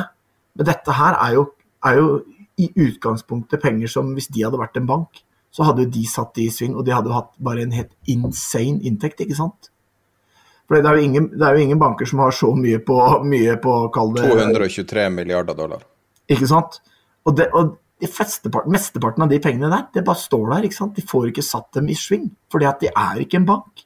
Og det er det vi ser. ikke sant? Det, når vi klarer å få til det, så vi vil kunne tilby én eh, ting, ja, til norske kunder. Men det som er fordelen med kryptoindustrien og den teknologien, det er at du kan, du kan være en bank som er regulert i Norge, og så kan du faktisk tilby tjenester internasjonalt. Fordi at de, de, de, vanlige grensene i forhold til, til det nasjonsgrensene som, som, de vanlige bankene stort sett opererer innunder, de på en måte blir viska ut. For at det, det er ikke noe, det, transaksjonsflyten den er 24-7. Og, og, i forhold til om hva man flytter verdier og sånn, det er ikke alt det er ikke låst ikke sant, mot den, mot den nasjonale valuta. Så Derfor så vil vi i det øyeblikket vi blir det, så vil vi kunne tilby faktisk innskudd på uh, digitale asset til uh, stort sett hele verden. Det kan hende vi på en måte må begrense det for å ha litt kontroll på dette her. Men, uh, men da har du en Du er en early mover. altså Du har et skikkelig early mover advantage. Skal ikke si vi er first, men vi er definitivt early. Og det, men, og det er klart at uh, altså Jeg er helt sikker på at Coinbase har tenkt tanken om å bli bank. Altså hvis, ikke, hvis ikke så er det jo noen som uh, sover der, for å si det sånn. En type ting som er sånn Kan dere i dag f.eks. La oss si jeg er en person som har fulgt krypto siden dag én, nesten siden kanskje 2012. Alltid med skepsis. Uh, og har vært en observatør alltid fra utsida. Men en ting som jeg syns er en veldig sånn naturlig ting som kan være interessant med krypto, hadde vært f.eks. å ha et kort knytta til en konto. Er det noe som dere planlegger å tilby, eller venter dere på lisensen før dere går den veien? Det, det er selvfølgelig ting som uh, Man ser jo på en måte hvordan de kalle kortløsningene til, uh, til, noen av de, f.eks. Crypto.com og, og, noen av de andre, hvordan de har blitt tatt imot. Så det er klart at det, åpenbart at det, er dette interessant å se på og, tilby. Og, og vi, ønsker jo liksom, vi ønsker å tilby det som kundene våre ønsker. Så dette er selvfølgelig ting som vi diskuterer. Jeg kan, ikke, kan liksom ikke komme med noe timeline på det nå, men, men det er klart at jeg, jeg, er enig med deg, det ser veldig spennende ut. Og det, og det er åpenbart så vi jo ønsker jo folk, når de har verdier hos oss, så vil de ønsker de å kunne bruke de både kalle med nye betalingssystemer, sånn som f.eks. Eh, å, kunne sende de bare ved å lese en QR-kode og så sende de på, på, på blokkjeden og, og, betale med, med krypto. Men det å også kunne bruke det på eh, tradisjonell eh, betalingsinfrastruktur som Visa og Mastercard eh, som eksisterer i dag. Klart det, at, eh, at, eh, man må på en måte se og tilby det for kundene som har verdier hos oss. Det, det er ikke sånn at det er ikke sånn at Kall det, det altså de, de, betalingssystemene som er i dag, det er ikke sånn at de blir borte over natta. Man har jo, det er jo fortsatt mulig å skrive ut en sjekk, liksom.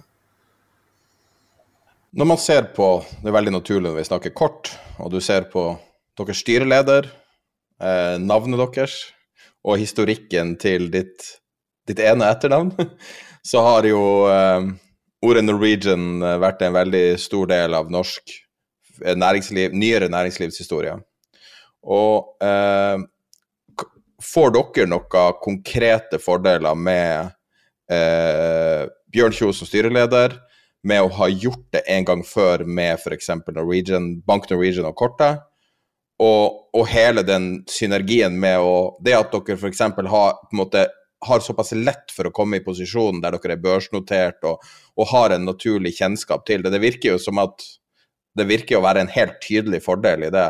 Er det noe du merker som at det går lettere enn det ville ha vært hvis du, hvis du gjorde det her for første gangen, uh, alle sammen?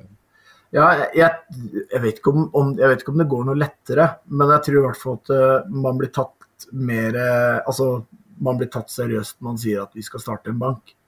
Fordi at, eh, ikke sant, eh, man har man nett, ikke sant, Ok, vi kan dra tilbake til Bank Norwegian, så, så lo dem når de sa de skulle starte en forbruksbank.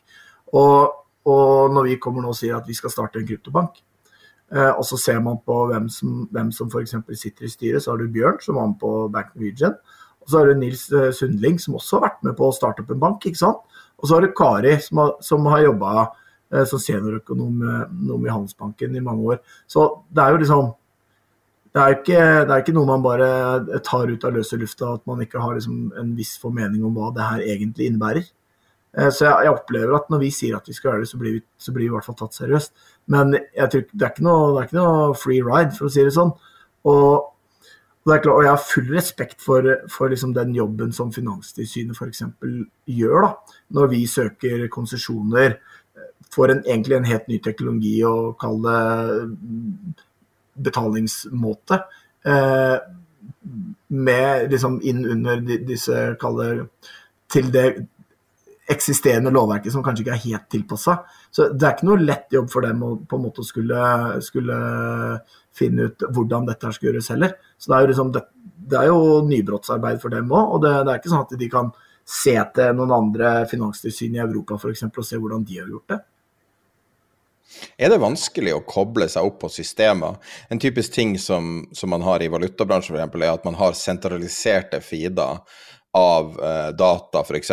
Som, som har tatt mange tiår å bygge opp og effektivisere og, og til å være til å store på. Eh, vi hadde senest for et par dager siden en um, ikke en feed engang, det var bare en, en, da, en, sånn datafeed som jeg tror gikk til noen iPhoner, som visste helt feile tall mens det skjedde ikke i noen markeder. Det var bare en feil på akkurat appen. Er det utfordringer for dere å, å få på en måte gode nok validering av data og sånn, eller er det allerede kommet til et nivå der det er så proft at, at det fungerer omtrent som valutamarkedet? Nei, det er langt ifra å være så, hva skal jeg si, eh, robust Eh, som eh, datafeedene på en måte i, eh, i tradisjonelle valutamarkeder. Det, det, er langt unna der. Og Det ser man sånn som f.eks. er den, den hendelsen du refererte. Det var Coin Market Cap som viste en helt insane prisøkning. Jeg har ikke brukt så fryktelig mye tid på å se på det, men så ut som det var en, en eller annen multiplikator inni der som hadde ganga opp et eller annet. Uh, og det er klart det var en kar som la ut et bilde på Twitter at han var blitt trillionær så, det hadde vært fint.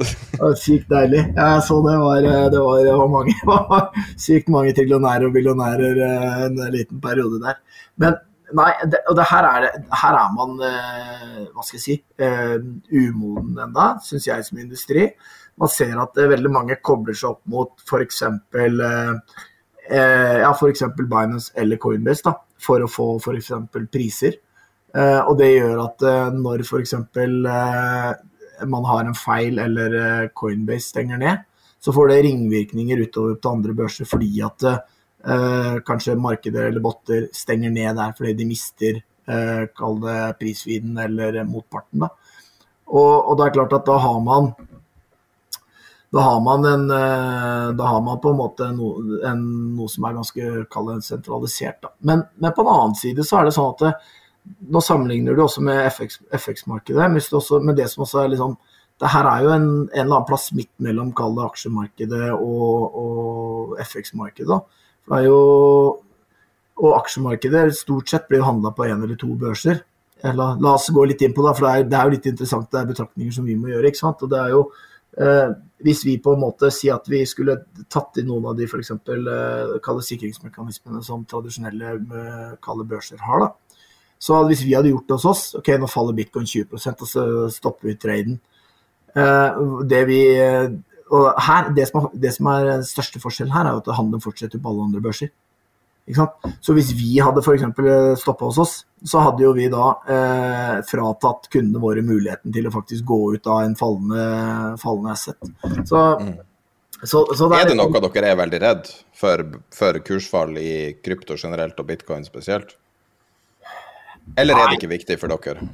Nei, altså vi, vi, det, vi, det vi ønsker å være tydelige på, er at eh, folk vet, eller at folk er klar over at det, at kursfall, eh, eller at volatilitet må man forvente i, eh, i, i de kalde kryptovalutaene som ikke er låst mot noen, noen Fiat-valuta. Og hvis man er klar over det, så, så er det greit. Hvis man ikke, da ikke går inn med mer, mer enn det man kan tape. Eh, man ser jo det, De som taper mest på dette, her er jo de som, de som girer. Eh, og da når du får en, eh, du får en, en skikkelig Kall det nedtur eller en, en dipp, så starter en, liksom en sånn perfect storm i forhold til alle posisjoner som også må, må, må innløses. Ja. Det er jo mye giring i hele, i hele strukturen. Eh, det er jo, Historisk sett så har jo krypto vært full av situasjoner der du hundredobler pengene dine og tusendobler pengene dine og alt sånn. og Vi vel kanskje litt forbi den tida. I år toppa det seg jo veldig med ting som Dogecoin og andre sånne uhyre kortsiktige trender som da ebber ut fort. Men fra utsida, eller kan man si, eller hvor enn jeg befinner meg som, som en eh, podkastprodusent, eh, så, eh, så er det kanskje det som er mest interessant. Og jeg snakka med en, en markedsveteran senest i dag, der han var helt skråsikker på at Defi, altså desentralisert finans, vil ta helt over. Han mener at strukturen har en betydelig sjanse for å bare ta over i finans. Fordi altså, det den representerer, er så revolusjonerende. Så man kan jo se hvordan enkelte verdipapirer handles, og, og hvordan verdien settes og alt i dag, som er ganske gammeldags fortsatt. og er det deres oppfatning at det er Defi, desentralisert finans, som er det store framtidsvyen for kryptospacer? Ja, men om det er Defi i den formen hvor du ser det i dag, hvor du har eh, protokoller som er helt uten eh, kundeidentifikasjon og liksom eh, hvitvaskingsscreening, det tror jeg ikke. Jeg, jeg, tror, jeg tror du kommer til å ha begge deler, og det, og det, det er noe av det som, som vi jobber mot. Og nettopp derfor vi, vi, vi blir bank. Vi vil jo lage hybridløsninger som tar det beste fra kall det Defi-verden, og så putter vi det inn, under, inn i en trygg ramme, som også gjør at, at, det, at det også er, kall det, um, skal jeg si, regulert. da, ikke sant? Sånn at du f.eks. OK, du, du, tar det beste, og tilgjengeligheten, friksjonsløsheten, egen, altså sømløsheten, egentlig, som den, det kaller disse f.eks. låne- og spareprotokollene gir. Men så lager du f.eks. en gateway med med hvor du uh, identifiserer uh, aktørene og screener midlene på, på, som får lov å på en måte ta del i den protokollen. Og så kan flere aktører gjøre det. Og da har du, da har du lagd Da har du på en måte dratt nytte av den, det, en av de store fordelene med at det er desentralisert. Og så vil jeg selvfølgelig de som er veldig hardcore desentralisert, vil jo si at med en gang man har aktører som på en måte kan skrine noen ut og inn, så har du på en måte ødelagt det. Men jeg tror vi må erkjenne det at hvis du skal hvis du skal tro at uh, dette skal bli tatt i bruk av alle, så har vi uh, liksom fortsatt, uh, fortsatt lover og regler som sier at vi, vi må forholde oss for til altså vi må forhindre hvitvasking f.eks. Og, og da, hvis du skal f.eks. få institusjonelle penger inn der, så må du ha sånne mekanismer på plass. Nettopp for at da kan de delta. Og det er da det på en måte også vil bli enda bedre kapitalflytt. Og det, så jeg er helt enig. Ja, Defi kommer til å ta over. Og, men du kommer til å ha du kommer til å ha et element av uh, governance, da. Som vil være fra regulerte aktører, tror jeg. Hvis du tar en case sånn som det norske obligasjonsmarkedet, da, som er kronisk udigitalt, mm. er det noe dere helt spesifikt kommer til å vurdere å gå etter for å prøve å være en ledd i det, eller er det at dere skal være en del liksom, av utviklinga, eller, eller bare, bare, flyte på, på, på, på tidevannet, på en måte. Hva, hvordan tilnærmer dere det? Er dere ute etter å, å, å være med å utvikle selve strukturen? Vi skal være med. Vi skal være, nå, nå har vi ikke sett akkurat på obligasjonsmarkedet. Men, det, ja, beklager, ja, ja, et eksempel. Ja, ja, Men, men, i det øyeblikket du har obligasjonene, eh, kall det tokenisert ikke sant? Men sant, vi skal lage en, en det, om du kaller det en Defi-protokoll eller hva du vil kalle det, vi skal lage en låne- og spareprotokoll hvor du kan ta digitale eh, eiendeler. Eh, om det er en obligasjon, eller om det er eh, eh om det er kall det, kunst, altså NFT-kunst, eller om det er eh, tokenisert gull, eller om det er en tokenisert aksje, eller om det er en bitcoin, så skal du kunne putte det eh, inn som collateral, altså sette det i pant, og så kan du låne på det. Og så låner du av da likviditetspoolen som er i den protokollen. Og så er det klart at eh, dette her er jo, Det som er interessant her, er jo at det, det åpner opp for um, dette er på en måte en ny måte å, å, å drive eh, låning og sparing på. Fordi at For det første, de som, de som, del, de som uh, sparer, det er jo de som tilbyr, det er de som lager likviditeten i, i kall poolen eller protokollen. Og, og det, som er, det, som er, det tøffeste her, er jo at de som da setter noe i pant og låner av den poolen, de betaler jo en rente. Og den blir jo styrt av regler, visse regler i forhold til Eh, i forhold til f.eks. For hvor høy risiko det er i den asseten du har satt inn i pant. ikke sant? Hvor, hvor, stor risiko er det i forhold til uh, prissvingninger på den. Og så er det også i forhold til uh, kall det tilbud etterspørsel, eller, rett og slett likviditet da, i, i poolen. Og den renten du betaler da, den blir jo fordelt på de som har, de som har, de som har tilbudt likviditet, de som sparer. Men det som er det aller feteste her, det er jo det at du får, du, du får, liksom, du får renten instant. Så du, trenger, du, slipper å vente til, til, du slipper å vente til slutten av året, 31.12., så plutselig så tikker det inn et eller annet på kontoen din. Du får det liksom, I utgangspunktet så får du for hver blokk som blir produsert. Så du kan sette inn et beløp, uh, du kan spare, putte inn uh, likviditet uh, tidlig på morgen, og så kan du ta det ut på kvelden, og da får du mer av renten ut. Altså, og det er klart at Dette her er ganske nytt. og Dette her er jo klart at dette er, ikke noe som vi på en måte får eh, tilsynet kommer til å si at, eh, at dette kan vi bare gjøre umiddelbart det vi, det vi, det vi blir en bank. Her er klart at her, dette her må vi jo her må vi nå gå et par runder med de, eh, for å si det sånn. Men, og, og, vi ønsker selvfølgelig å ha med flere her. Men, men dette på, er på en måte muligheten eh, som, som ligger der, altså. Ja. Nei, og da er vi tilbake til helt til starten. Var det 2018 det ble stifta? Nå har jeg ikke tallene foran meg, men jeg mener å huske at det Hvorfor ble NBX til opprinnelig? Jeg hadde litt oppfatning av at hele greia starta med en irritasjon med hvordan kredittkort fungerte, og selskapene og alt sammen. Er det riktig, eller? Ja, det er jo det. Altså, det er riktig. For at, det, det, det, begynte med, det var omtrent på den tida da eh, Bjørn og jeg som utgikk på ski oppå fjellet jeg sitter nå. Eh, og så hadde igjen så var jo liksom uh, Sleit Norwegian med, med uh, altså De hadde jo det evigvarende problemet med innløserne som holdt tilbake, holdt tilbake kontant, kontantene. Så så vi liksom at OK, vi så det at hvor mye muligheter som var for selskapet, rett og slett. Da, å, hvis man hadde bytta betalingsformen over til en, en virtuell valuta. Så da, vi, da, ble vi, da, ble vi, rett og slett enige om at vet nå starter vi opp, nå lager vi en betalingsløsning for eh, kryptovaluta. Og vi lager en vekslingsplass sånn at vi kan exite eh, når vi kommer tilbake igjen på jobb etter, eh, etter juleferien. Så da knakk vi i gang første dag på jobben. Det var også første dagen til han nye IT-sjefen, Kurt, da, som var tidligere. Han var første dagen på jobben, og så var det Kurt, vi skal starte kryptobørs. Så Neida, det som, altså, det som, var kult, var jo når vi, når vi, når vi, når vi begynte å bygge, så så vi ganske tidlig at her var det vanvittige muligheter utover bare det å lage en betalingsløsning til flyselskapet. Og det var da vi fant ut at vet du hva, vi, vi må nødt til å gå mot bank. Må, for dette er, dette er den nye finansielle infrastrukturen. Og når vi bygger opp kompetanse og bygger løsninger på det, så kommer vi til å kunne, kunne en, vi kommer til å kunne tilby bankløsninger globalt, men vi kommer også til å kunne være en aktør som gir tekniske løsninger til de eksisterende bankene når de skal begynne å ta dette her i bruk. Da vil jeg si takk til Stig Kjos Mathisen for et veldig interessant intervju. og Det var avslutninga på vårt sponsa innlegg. Det er jo veldig mange som hører på podkasten som aldri har levd med inflasjon i sitt, hele sitt liv. Så har aldri vært inflasjon over inflasjonsmålet i Norge eller andre land. Og nå ser man da eh, den stygge effekten av det i uh, Tyrkia. Man har sett det i Venezuela tidligere.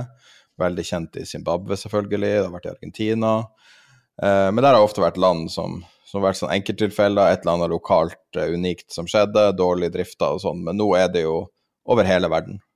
Og hvis mm. du ser f.eks. i USA, da, så i november så, så ser man altså inflasjon, offisiell inflasjon er 6,8 eh, år over år. Høyeste siden 1982, altså høyeste på 40 år. Og, eh, og hvis du begynner å bryte ned, så ser du sånne ting som bensinpris, som er veldig viktig i USA, er opp 58,1% Høyeste oppgangen siden 1980, altså når det var, mm. Eh, når det var oljekrisa og du fikk nye typer biler for det var så høye priser. Um, og du begynner å se at det her er et seriøst problem. Og det interessante er jo at det skjer over hele verden. Og det forplanter seg, og det forplanter seg, og det forplanter seg. Og vi har energikrise i Europa, det er ingen gass som importeres inn i Europa fra Russland. Og vi har veldig høye strømpriser. I USA er tilsvarende bensinpriser. Og det kommer sikkert til å forplante seg mer. Hva skal man gjøre? Ja, Vi kan jo gå gjennom noen av disse, så kan vi heller ta de, mer, ta de uh, bredere for oss uh, i, i, kommende uh, podkaster. Men for det første så det, det finnes en type obligasjoner som heter TIPS. Norge, Norges Bank utsteder ikke TIPS-obligasjoner, men det er da obligasjoner som har inflasjonsbeskyttelse i tillegg til at du får en rente. Det er en av de, og vi ser det fra USA, de har gått, de har gått kraftig til værs som følge av, uh, av, at man ikke trodde at det var transitory, og, og, man skjønner at her trenger man å beskytte verdiene sine.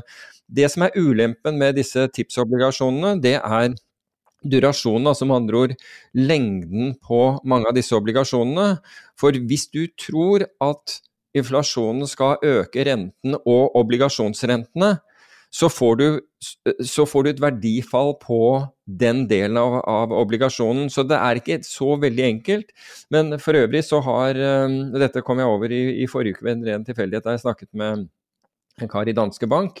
De har, da, de har et fond faktisk som investerer i eh, denne type obligasjoner over, over, over, hele verden. Men som bare for å Det er ikke ment som en direkte markedsføring mer enn at det finnes uh, muligheter for å kjøpe den type obligasjoner i Norge. De swapper disse til norske kroner. Um, det er nemlig den durasjonsrisikoen, og den må man tenke litt på. slik at, at hvis vi får en Hvis oppgangen nå altså I øyeblikket har vi en veldig flat eh, det vi kaller rentekurve, altså yield-kurve i, i, i, USA. Så flat at den alene signaliserer problemer i økonomien, hvis du bare skulle sett på den.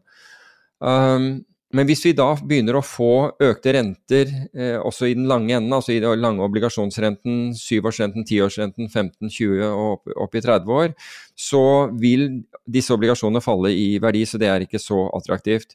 Så kan vi si at hva er det som ellers skjer i inflasjonen? Jo, vi ser i øyeblikket at det er inflasjon i ja, strøm kan vi komme inn på, altså kraft og energi, men du ser at det, er, det samme er i matvarer pga.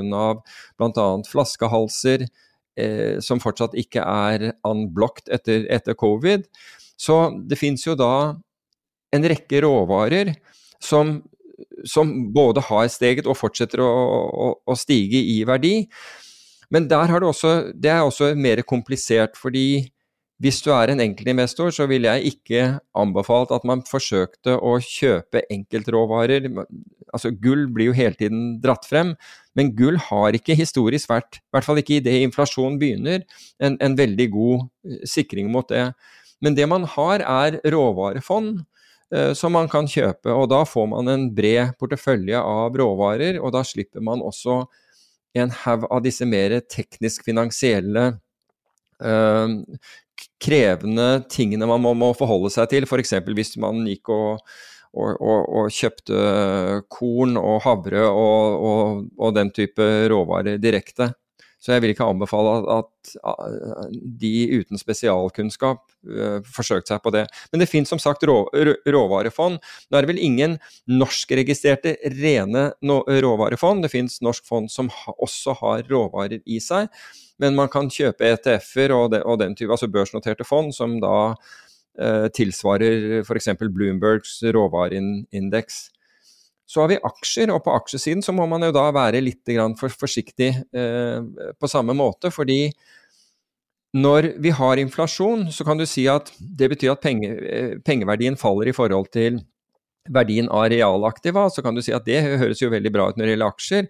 Ja, kanskje, men ikke så enkelt som det. For hvis, hvis man da kjøper aksjer som, som som er veldig sårbar for økninger i kostnader, med andre ord selskaper som ikke kan overføre kostnad, kostnadsøkningen, være seg det frak, altså økningen av frakt, eller bare ta f.eks. Uh, ja, hvis, hvis, man er, hvis, man kjøper inn uh, gjødsel og den typen gjødselprodusenter er noe annet, det kan, det kan være uh, greit å ha når det, når det gjelder inflasjon. men Eh, man må, må, se litt på hvilke selskaper, og det går tilbake igjen til det vi snakket om innledningsvis. Altså at korrelasjonen er veldig lav mellom selskaper i øyeblikket i indekser. Så her må man gjøre en jobb hvis man, hvis man, er ute etter å få inflasjonsbeskyttelse.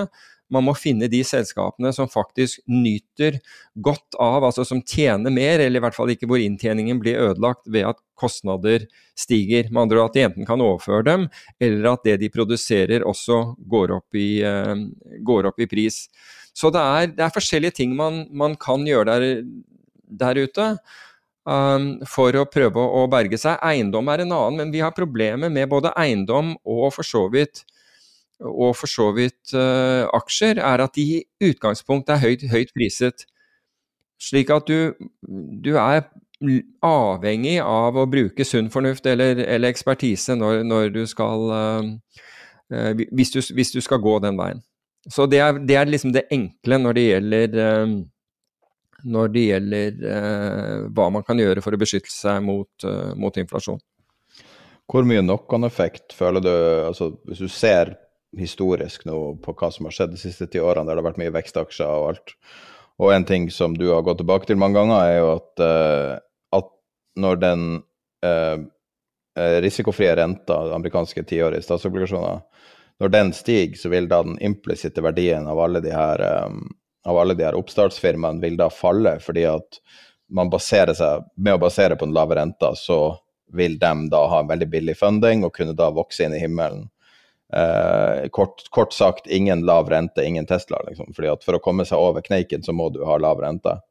Og Hvis ja. vi da får høyere inflasjon, så er det veldig naturlig å tro at det er en mulighet for at vi får høyere rente. Det er ikke en garanti. Japan har jo ikke hatt har jo aldri kommet seg på en måte etter. Men de hadde jo da en veldig sterk fallende vekst, og mm. den relative styrken i verden har blitt mye svekka. Så um, hva skjer med, med, det som veldig mange sitter på, da, som f.eks.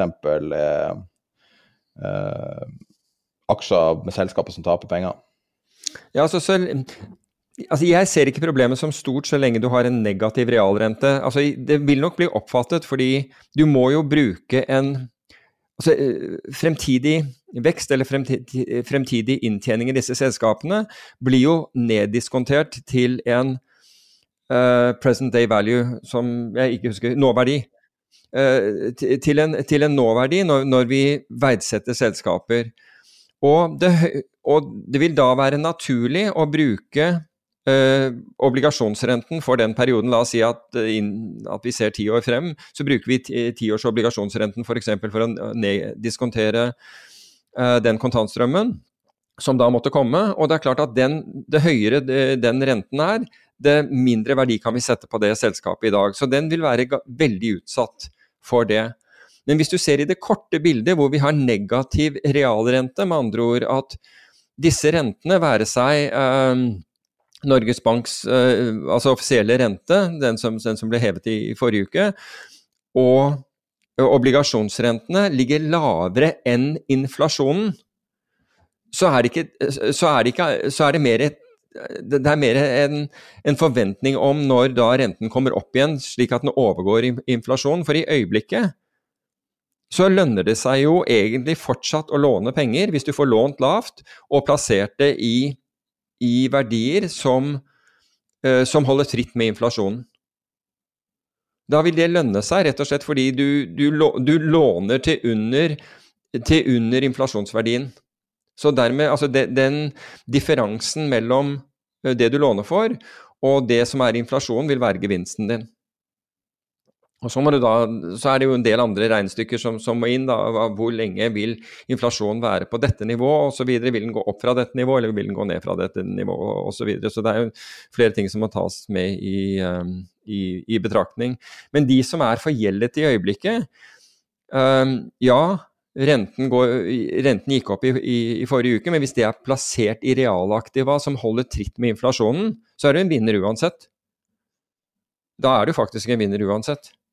Men det men, men spørsmålet da vil være har du, har du likviditet til å betjene denne gjelden? For hvis det du har investert i, ikke gir deg en cashflow slik at du kan betjene renter, fordi uh, altså denne inntjeningen som du har investert i, kommer langt frem i tid, ja, da blir du nødt til å begynne å selge, selge det, det, du sitter på.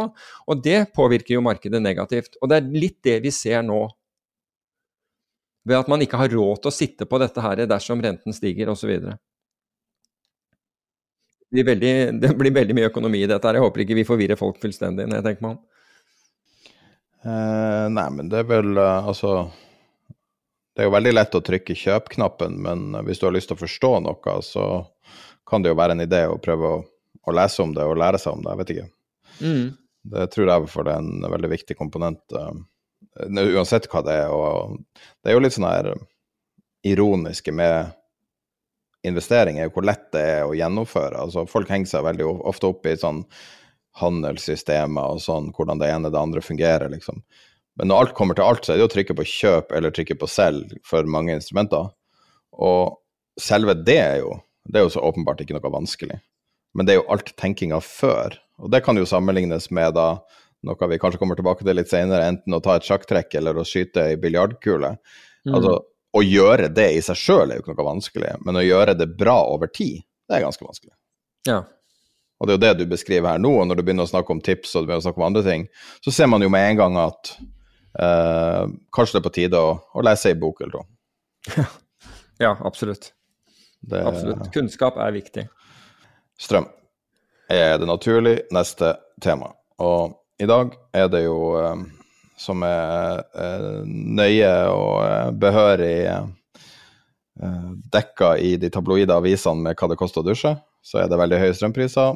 For de mange, aller fleste så er det rekord kanskje noensinne, så vidt jeg vet.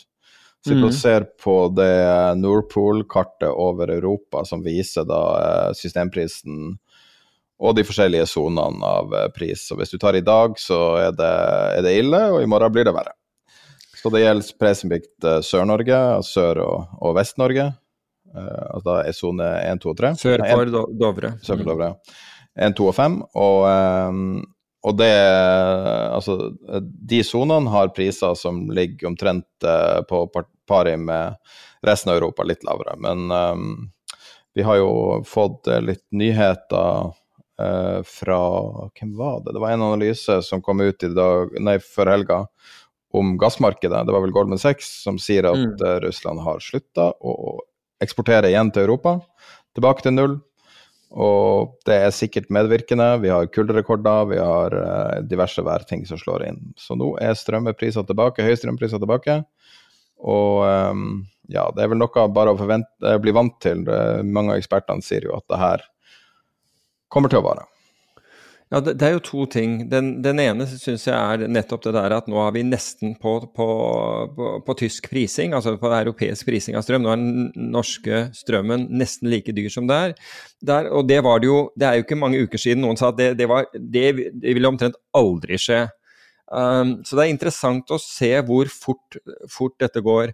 Det andre er da dette strøm, altså myndighetenes strømtiltak, som jeg syns altså designet på den er bra. Jeg må jo i den anledning si at jeg syns at Audun Lysbakken, uh, som da ikke sitter i regjering, bare så det er klart, men uh, han, gjør, altså han gjør mye bra for, for de som er vanskeligstilt, altså det, det må jeg virkelig si.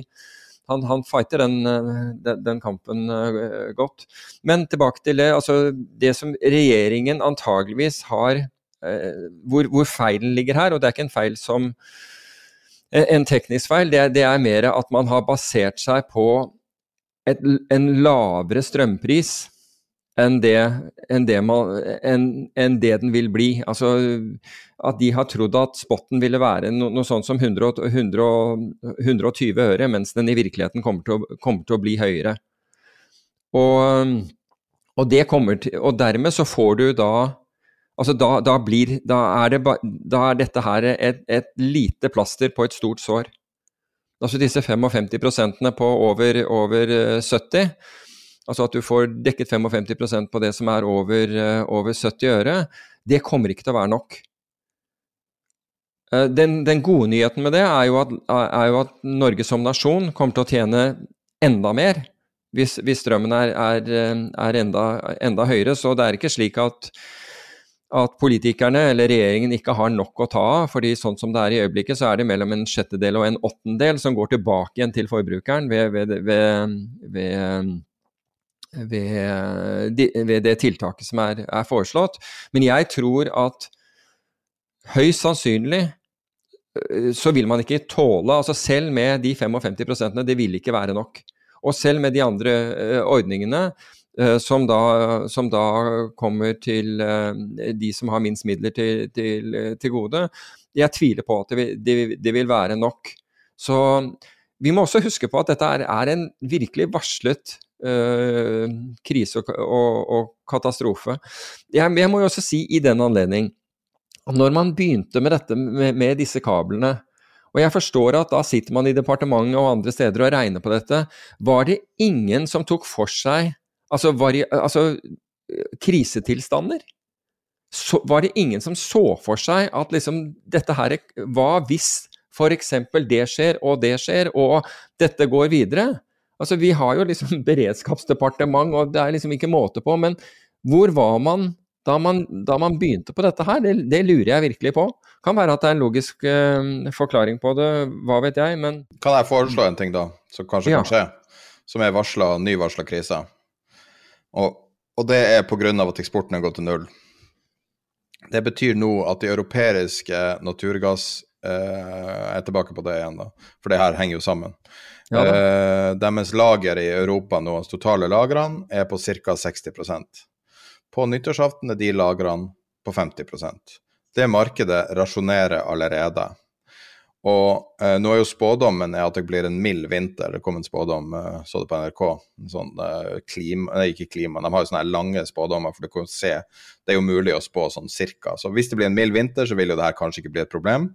Men hvis det blir en kald vinter, så vil det garantert bli et problem. Og det er at eh, tidligere har det vært sagt at i mars er Tyskland tom for gass. Og ut fra at eh, de har bare halve lager i, på nyttårsaften, så vil det sannsynligvis eh, være et problem veldig, veldig fort. Og én ting som man kan da ha i bakhodet, er hva skjer hvis man begynner å gå tom for strøm i den kalde delen av, uh, av året? Er det ting som er viktigere enn økonomien i det her? Mm. Hva hvis man må rasjonere strøm? Ja, absolutt. Og da, da begynner man å snakke om en, en humanitær katastrofe. Ja. Og den er varsla. Så da kan man si at ok, greit, man har ikke gjort det før. Og mitt spørsmål er da er det ting som er viktigere enn strømregninga? Jeg vil argumentere for at kanskje. Uh, uansett hvor hardt det er. Staten Norge har i prinsippet uendelig mulighet til å dekke alle kostnader sånn sett.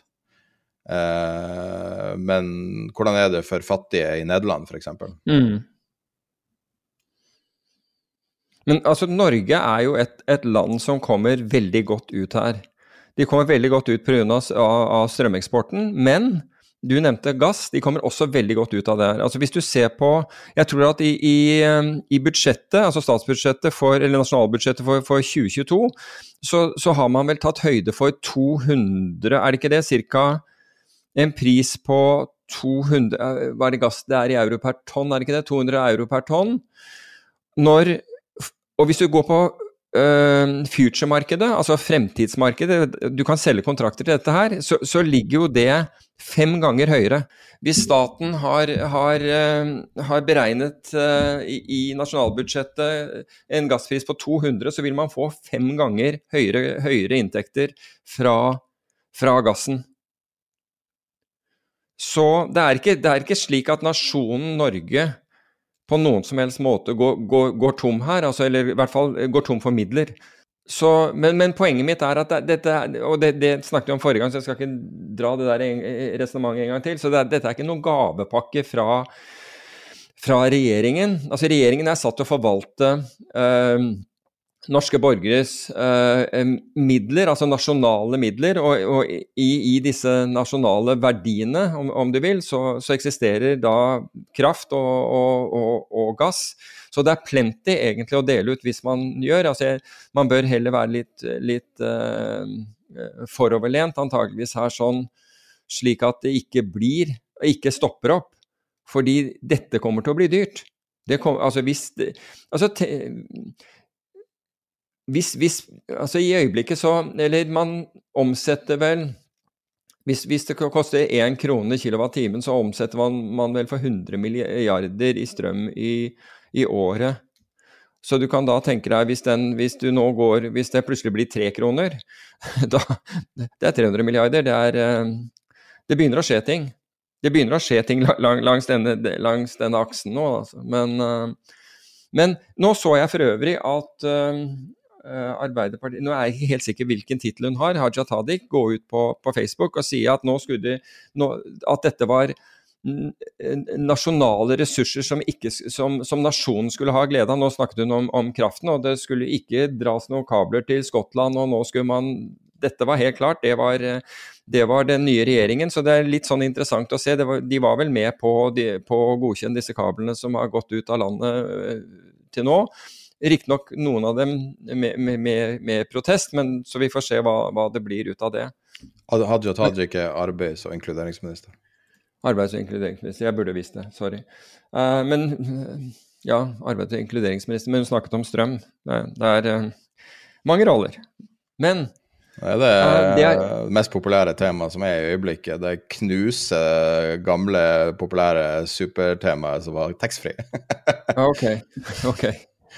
Men, men, men, hvis jeg kan Det er én interessant sak. og Jeg sendte den til deg i helgen, og det, det var en kar som, som starter et treningssenter. Og som hadde da gjort en avtale med Tinde Energi, en langsiktig strømavtale på 56,2 øre per kilowattime. Jeg kan ikke et ettergå denne her, så, så, men det var det i hvert fall denne artikkelen eh, sa. Og så nå ville da Tinde Energi de ønsket da å gå fra denne avtalen. De syntes at eh, nei, det, det var de ikke interessert i. Og I den forbindelse så begynte jeg å kikke litt på dette.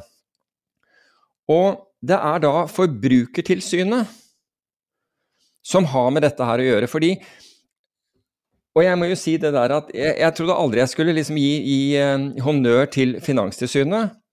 Men hvis du som finansiell aktør hadde gjort det samme, med andre ord hadde du vært megler eller forvalter, eller gjerne megler, og, så, og, og solgt noen et, et, finansielt produkt, og så finner du ut etterpå at nei, nå går kursen mot meg, den, den har jeg ikke lyst til å etterleve, da hadde Finanstilsynet tatt affære, altså det kan jeg love deg. Det har jeg full, full tillit til. Um, så jeg begynte da å kikke litt på Forbrukertilsynet. altså Husk på at vi, vi, omsetter da for et eller annet sted mellom i, i år og i fjor, nei, i år og neste år, et eller annet sted mellom 100 og 400 milliarder eh, kroner i strøm til, for, til, forbrukere i Norge. Så Forbrukertilsynet de har 130 ansatte. Og Hovedkontoret deres ligger i Porsgrunn, men de har også i Tromsø og Longyearbyen, og det er jo fint at de har uh, der også. Men, men de skal da Eh, de kan bruke økonomiske sanksjoner mot næringsdrivende som bryter loven. Feilaktige påstander og villedende markedsføring, skjult reklame, kroppspress i sosiale medier interessant, ulovlig telefonsalg og uadressert reklame er noen av de problemstillingene som, uh, som de arbeider med. Så det er de som da skal passe på at strømleverandøren din holder sine avtaler. Så begynte jeg å kikke ned og se hvor mye, mange vedtak fordi man har, Og dette har jeg hørt fra flere innenfor kraftbransjen. det er at det er, Og de har vært navngitt, disse strømselskapene, som da driver med altså De, de sier med, med lureavtaler, fordi de, de, vet at disse avtalene ikke holder. Men de, har, de, de reklamerer med lureavtaler som gjør at de kommer på Forbrukerrådets på toppen av listen der, slik at det er den som gir deg billigst strøm. Og så viser det seg at de er, de er, mye dyrere enn dette. Så jeg tenkte ok, dette har jeg hørt over flere år, så jeg gikk inn og, og, og sjekket på Forbrukertilsynet for å se hvor mange vedtak har de da gjort mot disse strømselskapene. For det, det, her, har mye, her, har det vært mye klager, og det har vært TV-debatter, og det har vært my mye rart. Så i 2019 så fant jeg én. Den var mot Hafslund Strøm. Og det var angivelig det var pga. markedsføring, fordi de hadde ringt opp folk som de ikke skulle ringe opp. Der fikk de, en, der fikk de et tvangsmulkt på 30 000 kroner. Så var det en, et tilfelle i 2018. De gikk mot Fjordkraft. De fikk 400 000, så de må jo virkelig ha um, gjort i skuffen, holdt jeg på å si. Um, det var også telefonmarkedsføring mot forbrukere. Ikke noe som går på dette her med at du har gjort noe ordentlig eh, gærent.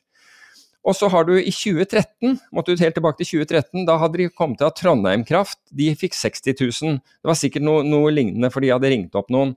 Um, og så fant jeg en, en, eh, en et, Kall det et vedtak. Og her, og her er det enighet mellom Forbrukertilsynet og Agva Kraft.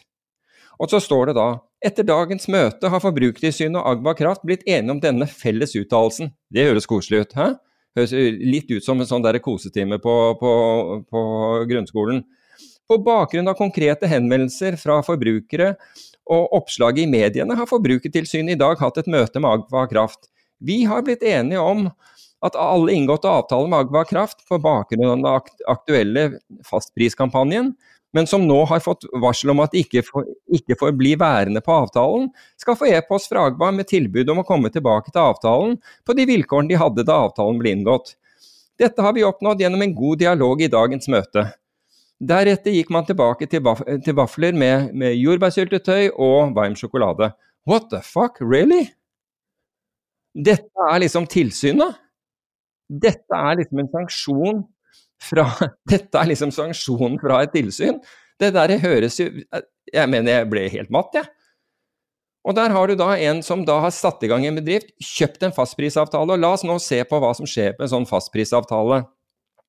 Hvis du inngår en fastprisavtale, det er akkurat som en Ford-kontrakt, vi skal komme tilbake til dette her etterpå, med, en, med et strømselskap, så prises den ut ifra en kontrakt, altså en, en kontrakt over tid. Den, disse, disse, kontraktene handles på børsen. Som regel, altså på, på strømbørsen. Det selskapet da gjør, er, er, enten å kjøpe den kontrakten på børsen, legge på en margin, og så selger du den til forbrukeren din. Da har du ingen risiko. Men så kan det være at du finner ut at nei, jeg, tror ikke det. Jeg, jeg, vil heller spekulere på det. Jeg tror ikke at kraftprisen går så høyt opp. Så vi sitter udekket. Så strømselskapet spekulerer i dette. Og så har du da, og resultatet av det er at når det da viser seg at det var helt feil, at, at strømselskapet kan tape penger på det, så går de fra avtalen. Da kalles du inn til et møte hvor de sier du, eh, vi, vi syns ikke den avtalen var, var så god. Eh, likevel, vi vil gjerne at du betaler mer. Altså, hvor kan du gjøre det enn ellers i samfunnet? Det er helt utrolig. Og dette har vært mange, mange, mange tilfeller av. Og jeg bare fatter ikke altså Forbrukertilsynet, dere må komme på banen. Altså. Dere må se få gjort en jobb. For sånn, ikke, for sånn, kan det ikke være.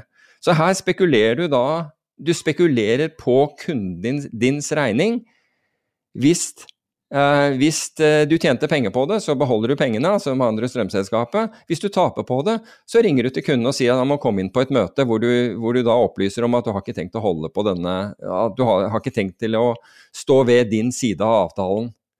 Det, det må gjøres en revisjon. Hvis det, ikke, hvis ikke det gjøres en revisjon nå, så, så, gjøres det aldri, for å si det på den måten. Så det er, min, eh, det er mitt innspill på denne. Ja.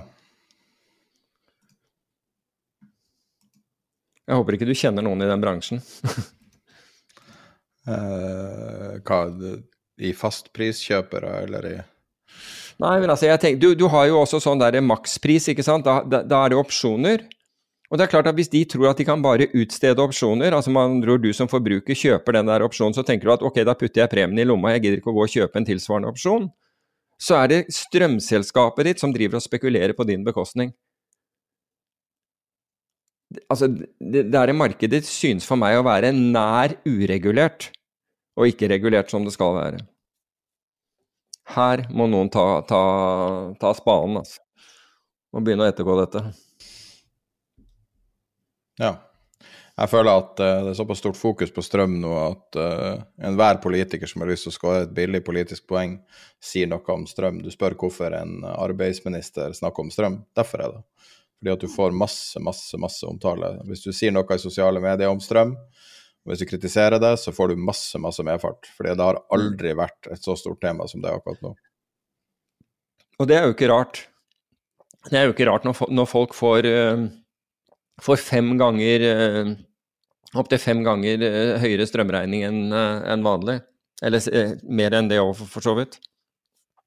Det er heller voldsomt. Og, det, og, og, det, og alt tyder på, dessverre, med mindre med mindre Putin finner ut at han skal slippe gass gjennom til, eh, eh, til, til Tyskland, så tyder jo alt på at dette og, og, du får en kald vinter, at dette blir verre. Nå er det jo så vidt gradestokken eh, er, er, er rundt null, og allikevel har vi de høyeste strømprisene vi har sett. At jeg føler at det er noe helt annet spill enn strømregningen som, som skjer nå. Og at jeg, jeg, tror at man kan ta det så langt som å si at det her er moderne krigføring. Og at du kan ikke lenger krige med en tanks. Det er ingen, det er ingen metoder der det du kan vinne på, men du kan definitivt vinne en økonomisk krig. Når, Nå snakker du om, om, Russland kontra Tyskland, ikke sant? Eller, altså Alt det her handler jo om Russland. Altså det handler jo ikke om, ja, ja. Altså Jeg vet at, at, du er ekstremt aggressiv motstander av eh, eksport til Europa. Uh, og, og um, jeg har tidligere sagt sånn mot uh, Jeg, jeg er ikke ekstrem motstander av det, men, men, du kan si at når man bruker Altså når Norge og nordmenn må gjerne, må gjerne, eh, være enige om at man skal betale for det grønne skiftet i Tyskland. Ja, men det er jo ikke altså, her, Jeg tror det handler om mer enn det. Jeg tror det handler om eh, en eh, solidaritet som man i Norge sånn sett ikke har måttet ta, ta, still, ta, ta standpunkt til fordi at vi ikke er en del av EU- og eurosamarbeidet der at det her handler jo om solidaritet. Og det er jo det igjen at eh, Er alternativet at Norge skal ta en brexit i form av strøm? Er det det folk vil? For brexit har jo vært en sensasjonell suksess. Liksom. Og, og, det jeg lurer på er, er ikke det her bare sånn det er nå? Og vi må akseptere nye tilstander og prøve å håndtere det. Og så må man differensiere at hvorfor i Norge har man ingenting bergvarme, og i Sverige har man det i mm. titusener av hus? Hvorfor, er, hvorfor har Norge alle har flytende rente, og i Danmark har alle fastrente? Hvorfor spekulerer man så mye i Norge på alle de her flytende tingene? Når du like gjerne kan ha, du kan ha bergvarme, du kan ha solcellepanel, du kan ha eh, smarte løsninger, du kan ha alle de her tingene på, og så er strømregningen din en sjettedel så stor, kanskje enda lavere enn det. Så det jeg mener at man kan ta langsiktige investeringer nå, hvis man virkelig vil være miljøvennlig, gjør alt det. Og da vil også strømregninga forsvinne, og så vil det være mindre belastning på systemet. sånn at jeg vet ikke, jeg syns at alle kriser har også den Det er jo den gamle liksom, klisjeen om at krise og mulighet er det samme ordet på kinesisk. Jeg vet ikke om det er helt riktig, men, men det er i hvert fall en, en, fin tanke. Og jeg ser på det her som en mulighet. At du kan akselerere reell grønn energi. F.eks noe som er helt nytt i Norge som bergvarme, og til viss grad solenergi. Men uh... mm. Altså jeg, jeg, jeg, håper Jo, og det kan, det kan absolutt være, og I'm, I'm all for, for, it, men i mellomtiden så, så, vil noen få det ekstremt vondt og ikke klare å, å, å betale regningene sine. Men en venninne av meg sa, sa det ganske godt her forleden. Uh, og det var at hun, hun kunne tåle den, den, uh, den, den kostnaden hvis, hvis, hvis, hvis, hun visste at overskuddet gikk til å betale sykepleierne, altså øke sykepleierlønninger. Og det må jeg jo si at det var altså, For det, det, det, er jo også et uløst problem. Altså, jeg syns at overskuddet til Ahus kan gå til å betale sykepleierlønninger. Men det er nå bare meg. Ja, men nå er, det ikke, er det ikke slik at alle sykehus går, går med, med, overskudd, bare så det er sagt. Men jeg har bare sett på AU spesifikt, at det går med store overskudd hvert år. Ja, så, men, eh, men fordi der er det jo bare altså kravene, kravene deres altså Arbeidstiden er ukomfortabel. Eh, de har måttet stå i det nå i, i over et år ting forverres. og Nå så jeg fra, fra en, en, et innslag fra Tromsø i forrige uke hvor de da mister en feriedag i løpet av julen pga. beredskap. Og Jeg skjønner det at man trenger beredskapen, men er det ingen som klarer å gjøre noe som sier du, dette skal dere få som kompensasjon? Hvor hører du det hen? Det er jo ikke noe. Det er bare, det, det er bare å kreve og kreve og kreve. Unbelievable. Men altså, hjelpepleiere har vel en 100 000 lavere lønn enn sykepleiere? Og jeg vil argumentere med at hvis det er ei eh, yrkesgruppe i Norge som er glemt, så er det hjelpepleiere. Ja. Altså en, en mer uh, utakknemlig jobb enn det, og mer uh, emosjonelt belastende jobb, tror jeg ikke du kan få. Mm. Altså. Når man Nei, først begynner å sammenligne ting. for, begge disse, så jeg, Men jeg er jo helt enig i at jeg syns sykepleiere er dramatisk undervurdert. Nå har jeg jo hatt noen direkte møter med helsevesenet de siste årene, og og det er bemerkelsesverdig hvor stor del av eh, kalkylen sykepleierne er. Mens andre mm. er nesten ikke til stede, sånn, sånn som fra, fra, mitt perspektiv. Sånn at jeg syns at man kunne utjevne det litt. Men man kan jo, i samfunnet kan jo ikke være perfekt. Men man må jo ha noen ting man, man er opptatt av. Og jeg har alltid trodd på EU-ideen, det at man samarbeider versus å ikke samarbeide om hvordan man gjør det. og det her er ikke et politisk uttalelse, men bare den der ideen om å jobbe i lag mot noe, at det alltid fungerer bedre enn å jobbe én individ ved siden av et annet. Helt ja, uten Gikk, regjeringen gikk jo på valg, men nå er det vanlige folks tur. Ehm, jeg forsto det der at liksom stortingspresident som har 500 og nesten 600 turer med limousin, det er kanskje ikke akkurat vanlige folks tur, men gidder å gjøre noe for sykepleierne. Mens eh, de må jo kalles vanlige folk i dette her. Så la nå de få, få sin tur, da. Men jeg føler at vi er kanskje litt langt unna kjernetemaet nå. Ja, vi er det. Vi Men blokkjede er litt nærmere? Blockchain er nærmere, og der var det, syns jeg i hvert fall, et gjennombrudd. om det var, Jeg tror det var i, i forrige uke. Altså, vi har jo snakket på denne podkasten og også oppfordret i denne podkasten folk til å fortelle om uh, anvendelser av kryptovalutaer og for så vidt blockchain og det hele. Um, altså rett og slett en eller annen form for proof of concept. Hvorfor skal man bruke dette her, og er det, er det brukende til noe? Og Forrige uke så, da, så kommer da storbankene HSBC, altså Hong Kong Shanghai Banking Corporation, og Wells Fargo, amerikanske, siste, um, ut og sier at de vil gjøre valutatransaksjoner, oppgjøret sitt, over blockchain altså valuta, valutaoppgjøret mellom disse to bankene. Og det er, betyd, det er betydningsfullt. Uh, ikke bare er det betydningsfullt fordi de mener at de ikke bare uh, sparer tid på det, og at det er sikrere, men de mener også at de vil spare penger på det. Og det som er, er jo i dag har vi noe som heter CLS, et selskap som heter CLS, som står for dette. Altså dette CLS er, er eiet av nesten 70 banker, her, herunder uh, DNB, Nordea, SEB, Danske Bank og alt du kan tenke Og HSBC og Wells Fargo også, for den saks skyld. JP Morgan, you name it. De er der. Det ble stiftet i 2002. Som da står for valutaoppgjøret. Og nå har da noen av altså, de største bankene i verden funnet ut at de kan gjøre det mer effektivt med blokkjede. Og jeg syns at det er et utrolig gjennombrudd for, uh, og anerkjennelse av blokkjede-teknologien. Det ble i samme moment sagt at JP Morgan også hadde et eller annet form for blokkjede-oppgjør uh, i, i, mindre skala. Det dreide seg ikke om valuta. Men hvorfor valuta er så betydningsfullt, det er jo at det er verdens største finansmarked. Og hvis du kan gjøre det i verdens største finansmarked uh, i volum, så kan du helt sikkert anvende det på, på, alle finansmarkeder for den saks skyld. Så jeg syns at det var et stort, uh, var et stort gjennombrudd.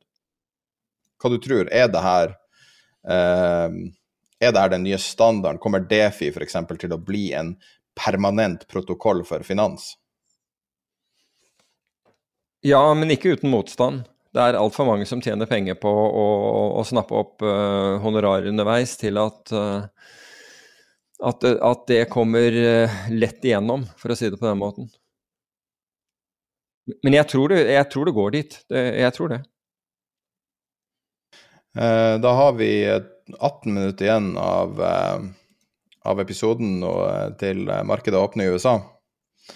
Ja. Og da har vi to temaer igjen. Vi hadde jo en uh, samtale uh, tidligere om, om, futures på um, Det havna på chatten. Spørs om vi har tid til å ta det nå. Vi kunne ta det senere. Det er jo en tidløs, uh, tidløs diskusjon. for så vidt. Jeg tror vi tar den på neste. Ja. Så det har vært, hvis du er interessert i å høre det nå, lese om det nå, så det på, kan du søke på futures på chatten, så vil du finne den diskusjonen. Men da tror jeg vi kan runde av med et tema som kom til meg som en idé når jeg satt og så en sjakkvideo og um, det var en instruksjonsfyr. Jeg spiller ganske mye sjakk. Jeg snakker en del om sjakk, kanskje, som folk har fått med. Og um, var på jakt etter et spill mellom to spillere. Og så kom jeg over en instruksjonsvideo som var eh, laga av en som heter Ben Feingold, som er fryktelig bra på å lage sjakkinstruksjoner og forelesninger. En naturlig standup-komiker. Selv om du ikke spiller sjakk, så er det artig å se på en sjakkinstruksjon, tro det eller ei. Og i den så sa han noe helt briljant som fikk meg til å virkelig sette meg opp i stolen. Um, han skulle forklare hvordan du når et nivå som er så høyt at du nesten kunne vært med i VM i lynsjakk, det som er nå. Altså Han sier 2200. I sjakk så betyr det at du er liksom eh, nesten eliteserien i fotball. Altså sammenlignet med det. Du er ikke Premier League, men du er eliteserien. Og så sa han at det er én ting du må gjøre for å komme til det nivået og det er at du må unngå tabber. Du må ikke sette en brikke i slag, du må tenke to trekk fram og se at du ikke havner i en gaffel, altså sånn at du, setter, at du er tvunget tapt trekk. Uh, du må ikke gjøre en, en, åpenbar stor tabbe. Og han argumenterer med at alt det her pugginga som folk gjør, alt den her liksom uh, researchen og alt, er egentlig i anførselstegn bortkasta. Uh, fordi han sier at du kan spille som en datamaskin i, hvis du alle trekkene er som en datamaskin, men du gjør én stor tabbe, så taper du. Så det hjelper ikke. Og han sier at hvis du klarer å eliminere tabben, så vil du komme så høyt opp at selv uten å kunne diverse veldig dype teorier og alt mulig. Og så gikk han videre til å snakke om, um, om biljard, som er ting tydeligvis interesserer han også. Og da sa han også, en, bare sånn et, et, tillegg til det her, og da sa han også at hvis du ser på en profesjonell biljardspiller, så trenger du ikke å se han gjøre ett støt for å se at han er profesjonell. Alt du trenger å gjøre, er å se hvordan han står, hvordan han holder køen, hvordan han ser på, på, eh, på bordet, hvordan han lager bro når han skal støte, hvordan han bare oppfører seg. Fordi at han har alle de, alle de eh, feilene da, det er for lengst luka ut. Så han gjør alt riktig, han gjør ingenting fundamentalt riktig. Nei, feil. Og da tenkte jeg med en gang det her føles som noe som er overførbart til trading spesielt, men også investeringer. Og det jeg lurer på da er, kan du nå noe som tilsvarer eliteserienivå som investor eller trader, hvis du følger den ideen om ikke prøve å lære deg alt og ha oversikt over alt, men prøve å unngå å gjøre feil? Det er spørsmålet til deg, da. Ja, altså jeg tror at hvis det det handler om, er jo selvfølgelig ikke at du ikke gjør feil, for det kommer du til å gjøre, men unngå å gjøre store feil. Og jeg, jeg syns jo dette er direkte overførbart, fordi hvis du gjør store feil, så tar det deg veldig veldig lang tid å komme tilbake igjen. ikke sant? Hvis du, hvis du taper 50% av kapitalen din, så må du tjene 100% for å, få, for å komme opp igjen. Og det er så utrolig viktig, og, og, dette fra en som har gjort mange store feil gjennom, gjennom uh, karrieren. Og det er så vondt og så mye jobb forbundet med det. Og det går også Altså, det er, det er på mange nivåer. Det går selvfølgelig det, det er på det psykiske nivået. Altså Det er det fysiske ved at, du, ved at, du, taper mye penger, det er den ene. Det psykiske er at du, du kan eh, Du mister selvtilliten, og du mister flyten, og du, og, som gjør at du blir dårligere til å, eh, til å trade eller til, til, å investere. Og Derfor er det jo veldig vanlig at, at, eh, at tradere har en cutoff som, som går på et, på et, på et et kronebeløp, om du vil, altså hvis, hvis, det er norske kroner eller dollarbeløp, hva det måtte være. som de sier at hvis jeg taper mer enn det på en dag, så slutter jeg å trade. Og det, og det er jo for, for, for, øvrig også noe som algoritmisk trading gjør. altså Hvis de ser en modell tape mer, eller, eller totalporteføljen taper mer, så kutter de alle posisjoner og stopper å, å, å handle. Og det er en sånn failsafe, slik at du ikke begynner å gjøre følgefeil. For hvis du begynner å nærme deg disse, disse nivåene, eller, eller, får et tap som er, er større altså langt utenfor komfortsonen din, så er du høyst sannsynligvis så mentalt belastet av det, er at du, at du ikke tenker klart. Du, du, har da som revenge trading, du har alt mulig sånn. Du ser signaler der det ikke er signaler. Du gjør hva som helst for du tror du skal få dette tilbake igjen umiddelbart. Eller du dobler opp på posisjonene dine. Høyst sannsynlig så går det galt, og gjør, gjør det saken enda verre. Så, så, for å unngå det dilemmaet som dukker opp når du, når, ved, å, ved, å, være på et sånt sted, så, så prøver du da å ikke komme dit i det hele tatt.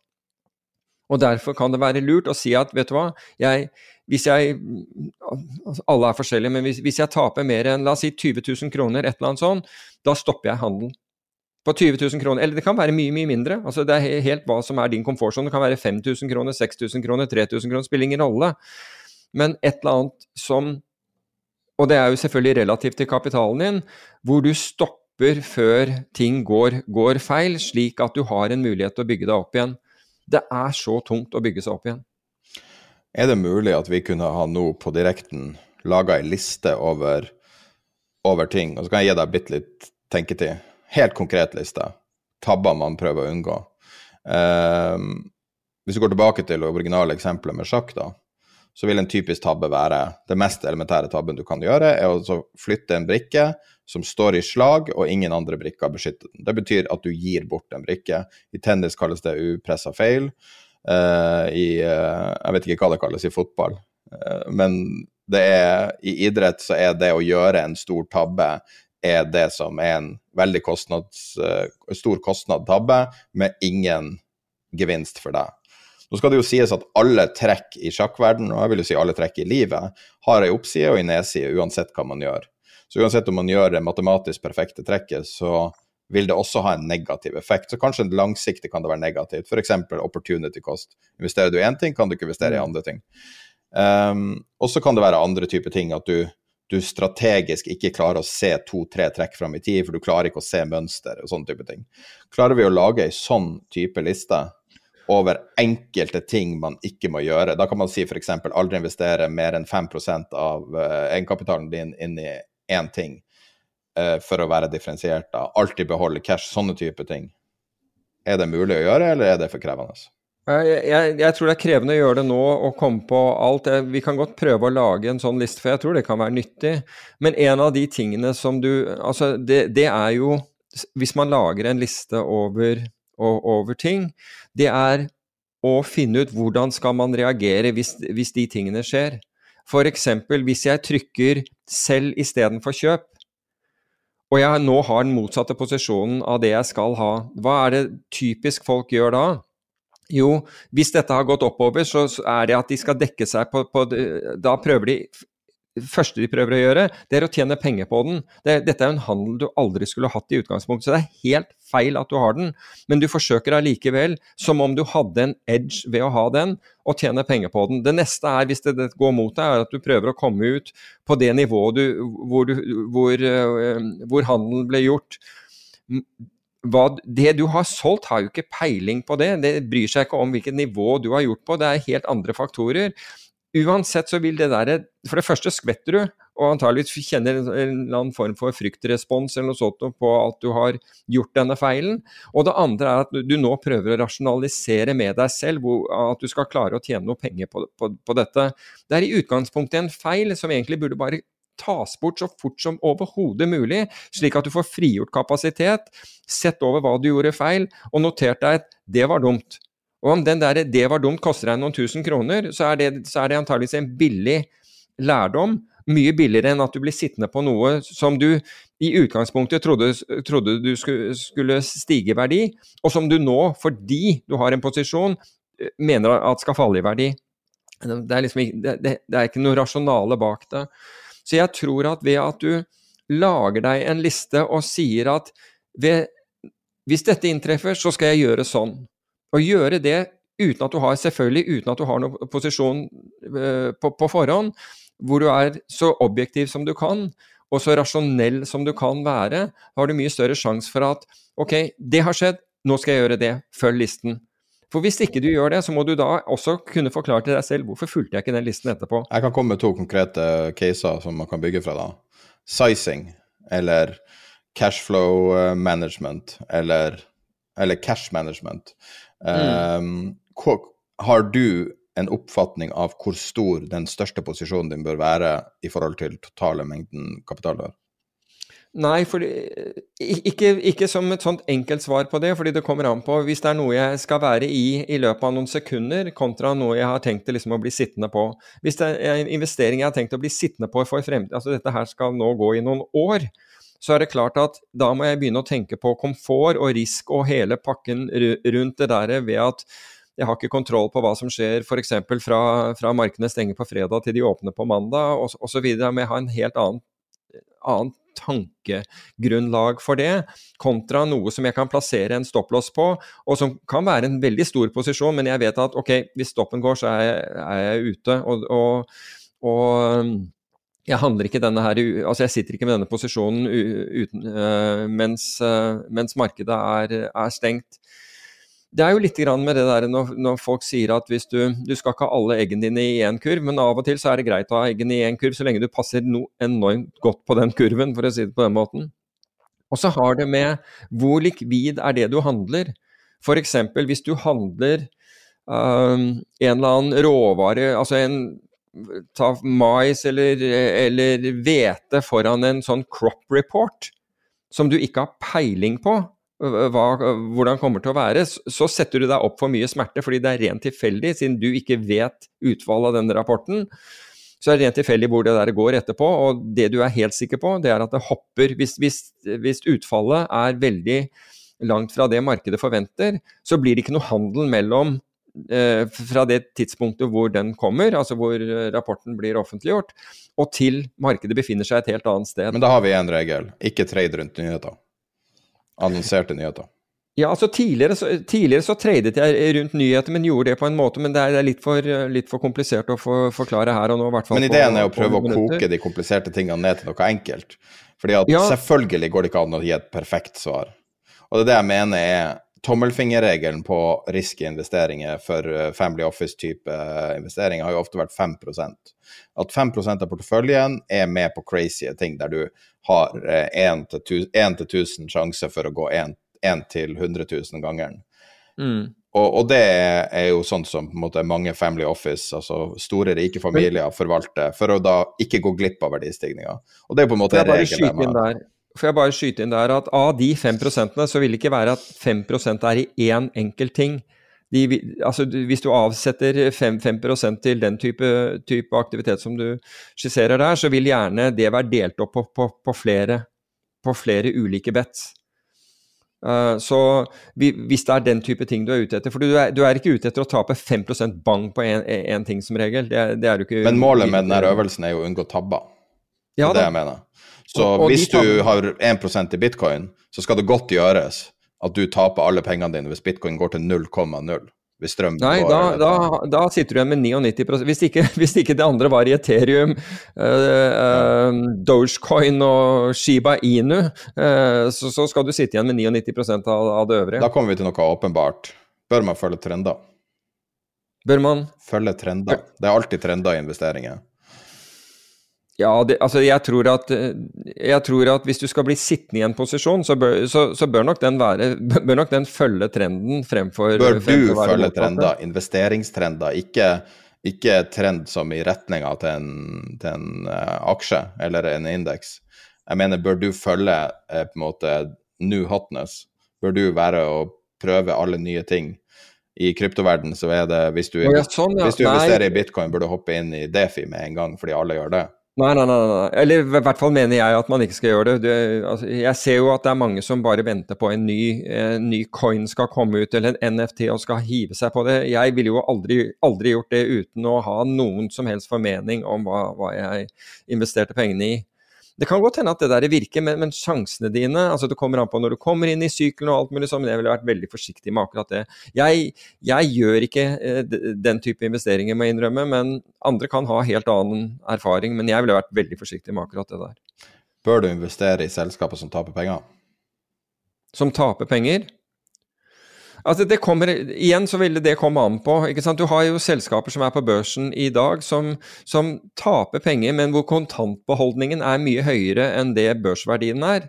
Og da vil det jo være et spørsmål om um, kommer det selskapet til å klare å snu før, før man er nede på kontantverdien som, som, du har investert i. Så jeg, jeg ville ikke generalisert uh, rundt det der, men generelt så vil du jo si at det, det er jo en fordel å investere i selskaper som tjener penger, fremfor de som taper penger. Hvor seriøst bør man ta parameter som price earnings, price book, price sales eh, osv. Alle de her der man tar aksjekursen, deler på et eller annet, mm. og så får man et forholdstall. Hvordan bør man forholde seg til sånne forholdstall og sånne generelle indikatorer? Altså Det vi vet er jo at man, dette er jo et måltall som flyttes hele tiden. Og hvis det ikke hadde vært flyttet, så hadde jo alle vært ute av aksjemarkedet for flere år siden nå. Så så enkelt er det. Så det er jo greit å vite i bakhodet at den, dette selskapet her vil det ta f.eks. 35 år å tjene inn den aksjekursen som jeg går inn på, eller den selskapsverdien som jeg går inn på, kontra et selskap hvor det tar to år å gjøre det samme. Det, altså, så jeg mener jo at det, det har en verdi, men å bruke nivåer religiøst og uavhengig av andre ting, det, eh, det, det, det, tror jeg er, blir, eh, blir, farlig unøyaktig, og det har vel det, de siste ti årene vist. Bør man henge seg opp i den nominelle prisen, f.eks. hvis vi tar noe utenfor de tradisjonelle finansielle markedene, som eiendom, så tror jeg mange har et forhold til prisen som et tall. En eiendom, ei leilighet koster to millioner, tre millioner, fire millioner. Bør man forholde seg til det? Ja, Mener du den, den, prisen man har gått inn på? Nei, bare verdier, prisen, liksom. Altså, man har ofte sånn Folk bruker å kalle det magisk verdi og sånn. Ja, men jeg, jeg vet ikke hva, det, hva er den prisen basert på? Er den prisen basert på byggekost, eller var den basert på noe annet? Er, altså, pri, altså, verdien er lik det markedet er villig til å betale til enhver pris. Det, eller til enhver tid, unnskyld. Og det er det jeg tror man mange ikke tenker på. Og det kan skifte ganske brått. Det kan skifte fra en dag til en annen. Det har den gjort flere ganger i, i, min karriere, hvor noe har skjedd i løpet av en dag eller i løpet av en weekend som har gjort at vi har en helt annen oppfatning av verdi dagen etter, rett og slett fordi usikkerheten er blitt større. Så man skal være litt forsiktig med det også. Eh, men da tror jeg da er markedet går mot åpning nå, og vi må avrunde denne episoden. Jeg foreslår at vi fortsetter denne lista neste gang. Ja. Sounds like a good idea. Da er vi tilbake om ei uke med en ny episode.